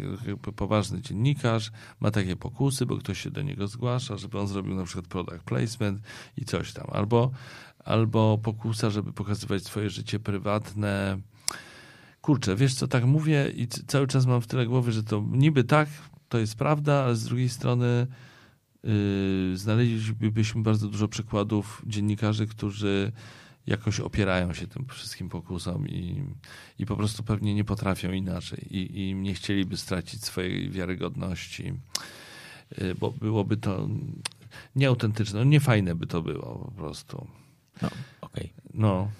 Maciej cię trochę dociska. Dociska, nie e, dociska. dociska. Pytanie nie jest trochę jakby czym jest mm. wiarygodność no. jako, jako wartość, tylko jak z nią jest. Czy ta wiarygodność dziennikarza mm. dzisiaj tak ogólnie pewnie patrząc, ale jako osoby jest wyższa, czy kiedyś była wyższa? Tak, w ogóle dziennikarze jako, dziennikarze jako, jako, grupy. Jako, jako grupy, jako... tak, jako os osób. To ja zadam, ja bym trochę też jakby zadał dokładnie pytanie, czy z perspektywy wiarygodności mm. dziennikarz dzisiaj jest zawodem przez duże D. Tak, znaczy faktycznie myśląc dziennikarz, mówi, myślimy o zawodzie zaufania publicznego. Mhm. Jeszcze? Myślę, że tak, zdecydowanie tak. I, i jest wystarczająco dużo dziennikarzy, którzy potwierdzają tę moją odpowiedź, że zdecydowanie tak, że, czyli że traktują swój zawód poważnie i to jest autentyczne, szczere i inaczej by nie potrafili. I gdybyśmy nawet teraz znaleźli kilka przykładów, które osób, dziennikarzy, którzy się jakoś tam sprzeniewierzyli, czy coś, nie wiem, sprzedali, czy coś się wydarzyło w ich karierze takiego, to i tak będą to przykłady potwierdzające, czy wyjątki potwierdzające regułę. Ale też dziennikarstwo jest bardzo szerokim pojęciem bo mamy dziennikarzy, którzy mają swoje specjalizacje, mamy, mamy różne media, prawda? i internet, i radio, i telewizję, i, i mamy y, prasę taką, śmaką, owaką. To jest bardzo szerokie pojęcie. I oczywiście wśród dziennikarzy zdarzają się osoby, które potrafią i manipulować, i, i kiedy mówię o manipulacjach, nie, nie, myślę tylko o tym w kontekście politycznym, w kontekście mediów publicznych, ale myślę o różnych innych rzeczach. Y, sam się o to ocierałem w różnych sytuacjach. Na przykład ktoś, jakiś dziennikarz wyciągał ode mnie informacje, sugerując, jakby aranżując sytuację prywatną, a później bez mojej wiedzy upubliczniał tę informację, którą wyciągnął ode mnie niby prywatnie. No, no, na przykład, no takie nieetyczne, nieetyczne zagrania. Więc różnie, różne są osoby. No. E, bo, bo nie wiem, na ile to teraz sobie to, tak uświadomiłem, czy to pytanie jest po, To jest na przykład pytanie, z... Maciek też zadaje no. pytanie, nie wiem, gdyby w latach 90. na przykład Tomek Lis reklamował płyn czy napój dla biegaczy, to straciłby wiarygodność. A dzisiaj tak nie jest. Dzisiaj jest trochę tak, że uchodzi mu to, bo w cudzysłowie hajs się musi zgadzać. Kiedyś dostał Bęcki? Czy kiedyś faktycznie znaczy, byłby, byłby z tego bardziej rozliczony niż dzisiaj, czy też by mu, też by mu wybaczyli? Nie, myślę, że kiedyś Myślę, że odwrotnie, że kiedyś mniej byłby rozliczony. Znaczy, jeśli mówimy o latach 90., to początki były trudne. Ja pamiętam nawet swoje myślenie. I też to, co można było robić w programach nawet informacyjnych, a co później zostało absolutnie zakazane. I to było takie pojęcie kryptoreklamy, no okay. ono było niefajne, ale też nikt nie zwraca uwagi tak bardzo na to, co jest w kadrze, czy tam jest jakieś logo, jak robimy zdjęcie na ulicy, czy nie ma, a potem to się stało wręcz obsesyjne po prostu, aż w drugą stronę to poszło. Pamiętam, jak kiedyś kolega podczas montażu wyblerował, czyli zamazał, Aha. Y, wiesz, taki znaczek z logo firmy na koszuli, na koszuli. Go, gościa. Do, do, do tego dochodzi. I coś, co kiedyś było wyobrażalne, potem przestało być. Yy, również dlatego, że już nie pamiętam od kiedy działa Krajowa Rada Radiofonii i Telewizji, ale, ale powstały pewne regulacje i yy, zostało jasno powiedziane, że, że na przykład dziennikarze, którzy pracują w informacji albo w publicystyce, nie mogą mieć nic wspólnego z żadną reklamą, promocją, etc. A potem to się. Yy, no tak, no i, i, no i przypadek, o którym była mowa, ja nie wiem, jak tam było do końca. No by było jakieś tam poruszenie, e, ale czy dostałby większe bęcki w latach 90.? Nie, wydaje mi się, że właśnie w latach 90. to by prawie nikt nie zwrócił uwagi na to. Okej. Okay. Mhm. No dobrze. I to jest pewnie dobry, mhm. dobre trochę takie mhm. spuentowanie tej, okay. e, tej sytuacji. Ty chciałeś zadać pytanie, czy, czy z jakąś sytuacją jest związane to dopytywanie Maćka? Miałeś taki... taki... Yy, tak, czy, czy może tam się kryła, ale wydaje mi się, że nie, ale tylko tak pytam. Czy się kryła zatem jakaś sytuacja, y, jakiś, czy był w tym jakiś kontekst związany z TVP? Y, z, z kontekst polityczny, polityczny. mediami polityczny, politycznymi, publicznymi, no. czy nie? No, ale rozumiem, że nie. Okej. Okay. Z tej perspektywy, jak patrzysz, jak dzisiaj wygląda TVP, myślisz, że gdybyś został, poradziłbyś sobie? Ty jako ty ze swoimi jakby trzonem wartości emocjonalnie i ze wszystkimi rzeczami? Nie, nie poradziłbym sobie, dlatego że y, szlak bym nie trafiał, prawdopodobnie co drugi dzień. I, i, Czyli tylko w te, które byś miał akurat swoją, swoją no, audycję. Bo, nie, nie bo... tylko, bo jakbym oglądał w tych dniach, bo wiesz, jakby samą obecnością swoją legitymizuje y, to, to, co się dzieje na antenie w programie, który, którym jestem związany, ale też w innych programach, które są obok na tej samej antenie. Natomiast to jest jak walka z wiatrakami. No jeden człowiek nie, nie, nie, nie poradzi sobie z całym systemem. Wchodzi nowe rozdanie, wchodzą ludzie, których rozumowania, postępowania, myślenia o informacji, o przekazywaniu informacji, o tym, jak się, inform, jak się konstruuje informacje, o tym, o tym, jak się należy zachować uczciwie wobec takich widzów choćby. Takie elementarne pojęcia, jak widzę, że oni tam są i, i, i, mamy inne myślenie, inne wartości, to co ja tam mogę zrobić? No ile razy mogę tego Rejtana zrobić? Ile razy mogę zrobić awanturę? W końcu mnie zaczną patrzeć na mnie jak na, na jakiegoś, wiesz, wariata, to, i, a i tak nic z tego nie wyniknie, bo po prostu nie zmienię tego. A zdarzyło ci się w ogóle jakby historycznie kiedyś powiedzieć, nie, ja tych newsów nie przeczytam? Znaczy to, to, to, to nie jest prawda. Było to, blisko. To, to, jest blisko, to jest, to, to moim zdaniem jest to fake news, jakkolwiek już tego nie, nie, nie, nie definiowali. Nie, nie. By, by, było blisko parę razy, ale aż tak daleko nie zaszło. Było parę z, sprzeczek, scesji z, z decydentami. No i właśnie w momencie, kiedy wyobraziłem sobie taką sytuację, że ktoś mnie ka każe czytać, mówić, widzą coś, z czym ja się wewnętrznie nie będę zgadzał kompletnie, to stwierdziłem, że, że po prostu nie mogę y, się, nie mogę y, wejść, y, pójść w tę stronę, bo to by było bardzo niewskazane. Ja może, może podam przykład, żeby, żeby jakoś zilustrować, czyli co może zrobić prowadzący program. Mamy, załóżmy, 4 czerwca Mamy rocznicę y, pierwszych tam nie całkowicie wolnych, ale jednak już w dużym stopniu wolnych wyborów parlamentarnych w Polsce, 89 rok. Zresztą w tym roku było 30-lecie. No i teraz dla mnie to jest historyczne wydarzenie, niezwykle istotne, etc. Przychodzę do pracy, wyobrażam sobie, że no oczywiście o tym powiemy i zrobimy z tego poważną, jakiś poważny materiał, jakieś archiwalia, no skomentujemy, no bo trudno tego nie zrobić. No i dowiaduję się od moich, nie wiem, przełożonych w takim sensie, że wydawców, szefa redakcji, czy szefa całej struktury, czy szefów tych, którzy tam wiesz, spotykają się na kolegium i ustalają, co, co dzisiaj, na co dzisiaj stawiamy, o czym będziemy mówili, że nie, to jest temat, którego nie ruszamy. Bo to była zdrada, to, ta cała Magdalenka, to wszystko, to, to lewactwo i tak dalej. Co ja mam z tym zrobić, powiedz mi? I naprawdę jest tak, że ktoś Nie mówi, no. "Do- dobra, nie, nie poruszamy najważniejszego wydarzenia w dziejach nowożytnej nie Polski. wiem jak było. Ja teraz, ja teraz mówię jako, nie wiem jak było. Z tego co wiem, no to ta strona sceny politycznej ma zupełnie inny I- stosunek. inne postrzeganie Inne takich- postrzeganie. Jestem, nie, nie śledziłem tego, ale jestem przekonany, że nie zostało to potraktowane w mediach publicznych tak, jakby, jak, jak ja bym sobie to sobie wyobrażał, tylko było e, e, na pewno, być może, znaczy prawdopodobnie nie było tak, że nie było o tym mowy w ogóle, ale też pytanie, jaki był do tego komentarz, Komentarz. ki- kto tam wystąpił w roli ekspertów, jak to zostało przedstawione. No i teraz ja mam to, mam, mam to legitymizować, autoryzować swoją obecnością, mam się w tym czuć dobrze. No nie, no po prostu nie. No i, i, i to, jest przykład, który, który jest dobrym przykładem, ale, yy, ale w takiej sytuacji yy, na pewno miałbym więcej, gdybym tam został, więc no, nie wyobrażam sobie siebie. To, to by było naprawdę straszne. Masz, duże, masz dużą potrzebę niezależności? Tak, zdecydowanie. O, tak, zdecydowanie tak. Mówisz nie tylko dzie, jako dziennikarz, Nie, ale w ogóle, w ogóle tak po ludzku, znaczy jakby jeśli chodzi o jakby... Zdecydowanie tak. Wiesz co, ja nie wyobrażam sobie, żebym miał szefa. Był taki moment, że wszedłem do, do korporacji. Że już zapracowałem na swoje nazwisko, na swoją pozycję, więc, więc też yy, powiedzmy sobie szczerze, w tej korporacji nie byłem traktowany jako jakiś szeregowy pracownik, tylko no, obchodzono się ze mną bardzo, bardzo przyjemnie i bardzo fajnie. I w ogóle yy, Maciek to, Maciek tamto, nasza gwiazda, etc. Więc Aha.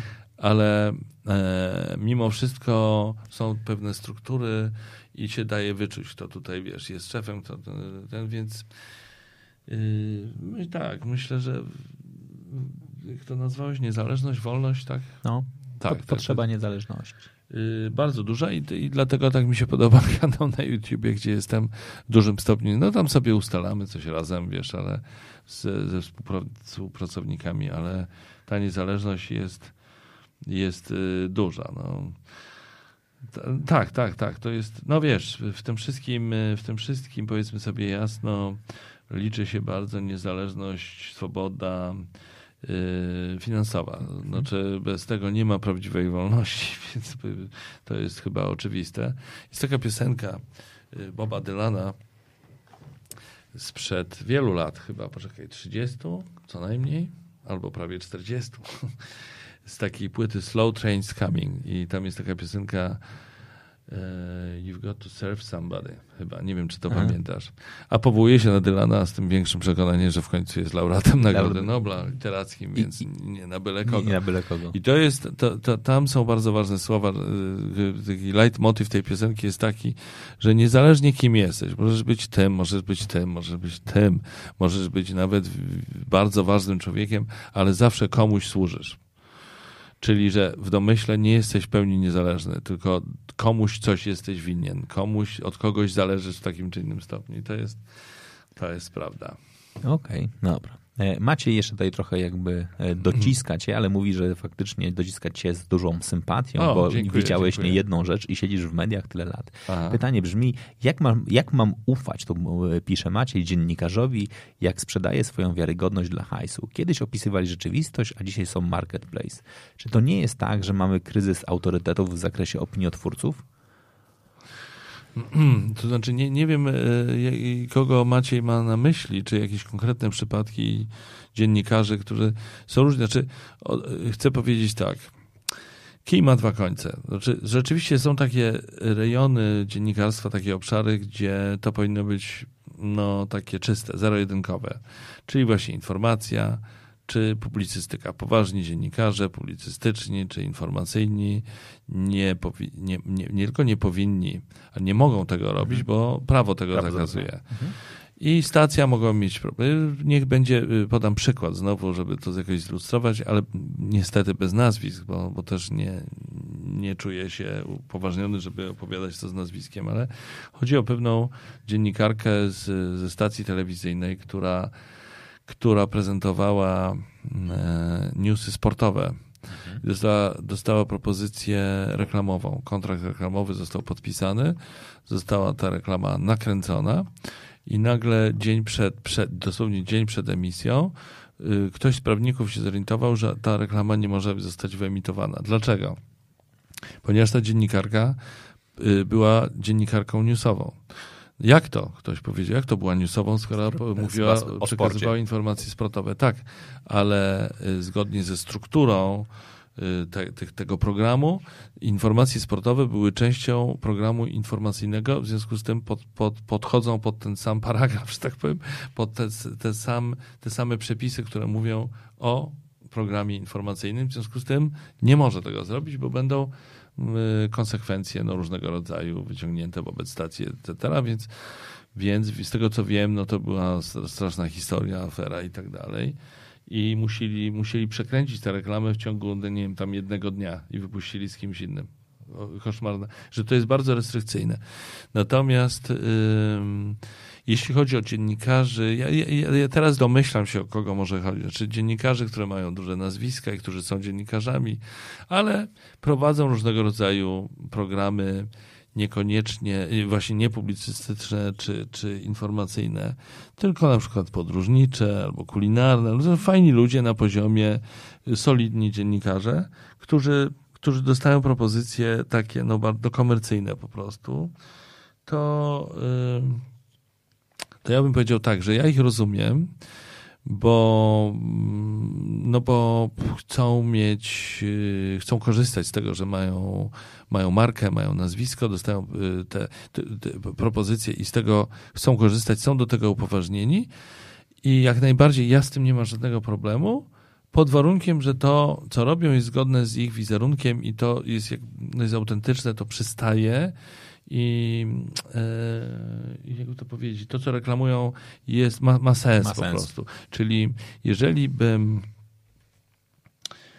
e, Kiedyś usłyszałem w reklamie jakiegoś, jakiegoś, mm, jakichś parówek, e, które były po, po 5 zł w jakimś sklepie bardzo znanego aktora, wybitnego aktora. I muszę powiedzieć, że mnie szlak trafił. Ale nie, nie tyle to była złość na niego, tylko że w ogóle jest tak, że ktoś tak wybitny reklamuje mi jakieś z całym szacunkiem dla parówek, jakieś parówek, parówki w jakimś, w jakimś sieci sklepów, bo one, bo one są, są akurat tego tygodnia takie tanie. Że to mi się wydawało po prostu niespójne niespójne. Znaczy, z czego to wynika? No, no, ta osoba ma jakieś potrzeby, może to są jakieś potrzeby ważne, życiowe, nie mnie to oceniać. Może naprawdę to, to, to były potrzebne te, te, pieniądze. Z drugiej strony myślę sobie, kurczę, ten aktor to powinien tak dobrze zarabiać, yy, ponieważ jest takim wybitnym mistrzem w swoim zawodzie, na tym, co robi, że nie powinien go w, w ogóle to dotyczyć. interesować. Ale ale tu jeszcze chodzi o coś innego, bo nasz rynek nie jest taki duży i po prostu nawet najwybitniejsi aktorzy czy wybitni dziennikarze najwyraźniej mogą mieć jakieś, jakieś y, deficyty, jeśli chodzi o sprawy finansowe. No i to jest jakby nie, nie, nie, nie, te ich dochody z, z prowadzenia programów, choćby to były bardzo popularne programy, nie będą nigdy tak dobre jak dochody, nie wiem, z dobrej kampanii reklamowej, co jest poważnym zasileniem. No i cóż, no ludzie są tylko ludźmi i daleki jestem od oceniania, że aha, po, poleciał na kasę. Jeżeli, jeżeli nie dzieje się nikomu krzywda w ten sposób, no i to jest spójne, to, to nie mam z tym żadnego, żadnego y, problemu fakt, że trochę jest inaczej z dziennikarzami, trochę inaczej jest z aktorami, ale, e, ale przywołałem ten przykład, bo mi się po prostu mi się przypomniał, e, przypomniał przed chwilą. No, nie wiem, co jeszcze można powiedzieć. Okej, okay. masz współpracę na YouTubie? Komercyjne? Przychodzą do ciebie różne marki i mówią, panie Macieju. Takie współprace się zdarzają, ale jesteśmy na etapie rozmów związanych z, z, takim stałym partnerstwem, które by się y, przydało, które, które tak, bo na razie, na razie mój mój kanał na YouTubie jest y, po prostu inwestycją, którą, którą, która, którą robię z dużym przekonaniem, bo warto w to inwestować, ale, ale tego partnerstwa, y, to partnerstwo no też byłoby w czymś fajnym, więc, więc prowadzimy różnego rodzaju rozmowy dotyczące właśnie tego, plus, y, plus no, myślę o innych działaniach, które zmierzają do tego, żeby żeby tę działalność nieco skomercjalizować, ale w sposób nie, nie, jakby nie, niesprzeczny z, z ideą tego programu, czyli, czyli nie, nie przewiduje wodzianki.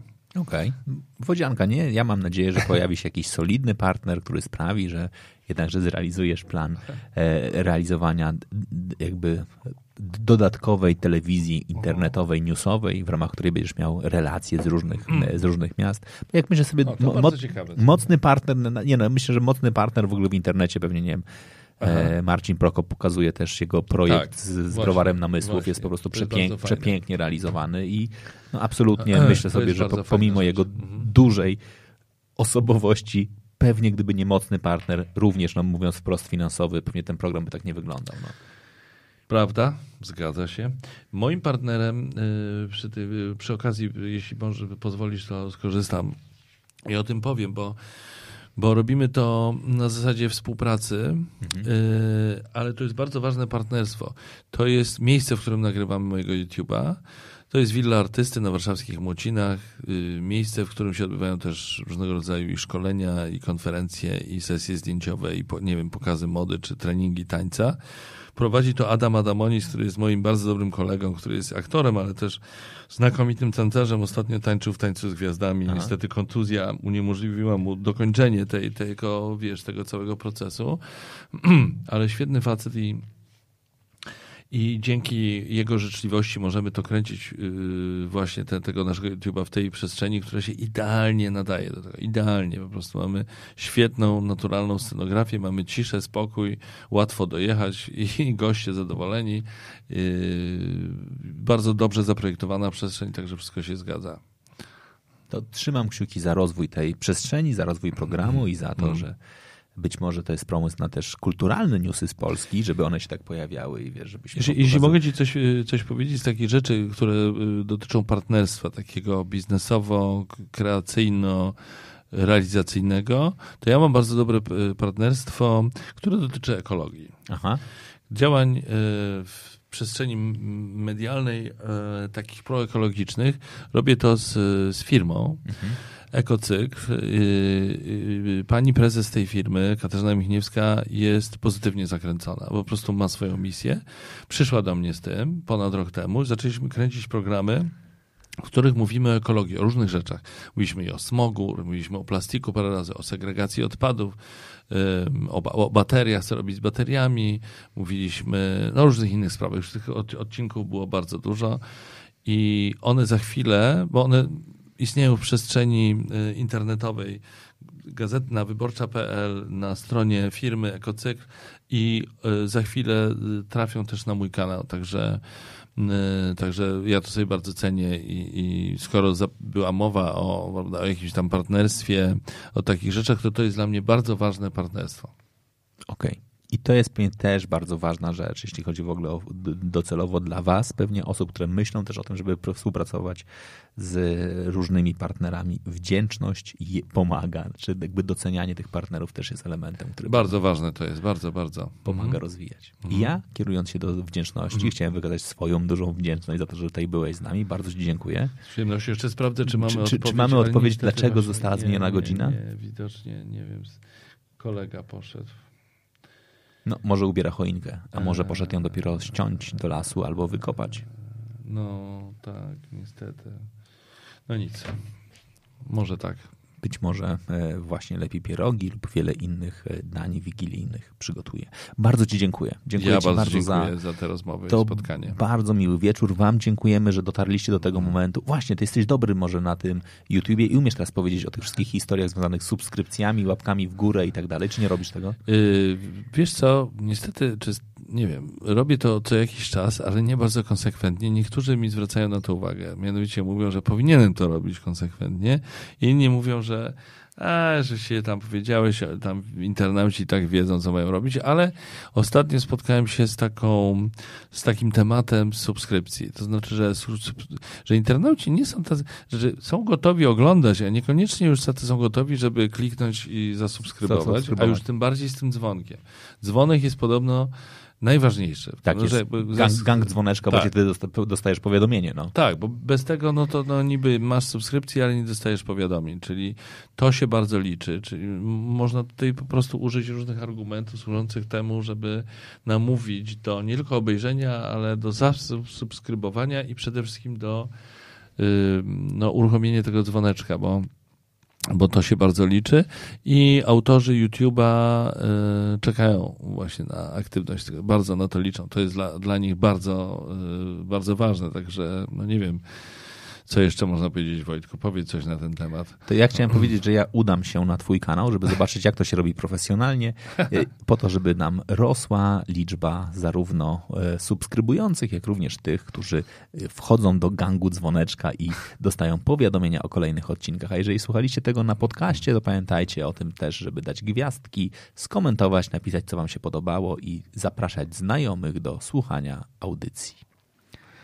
Jeszcze raz bardzo dziękuję. Bardzo dziękuję. Dziękujemy, że byliście z nami. Pozdrawiam wszystkich wesołych świąt. I widzimy się już dokładnie w nowym roku, w związku z czym wesołych świąt i wszystkiego dobrego w nowym roku.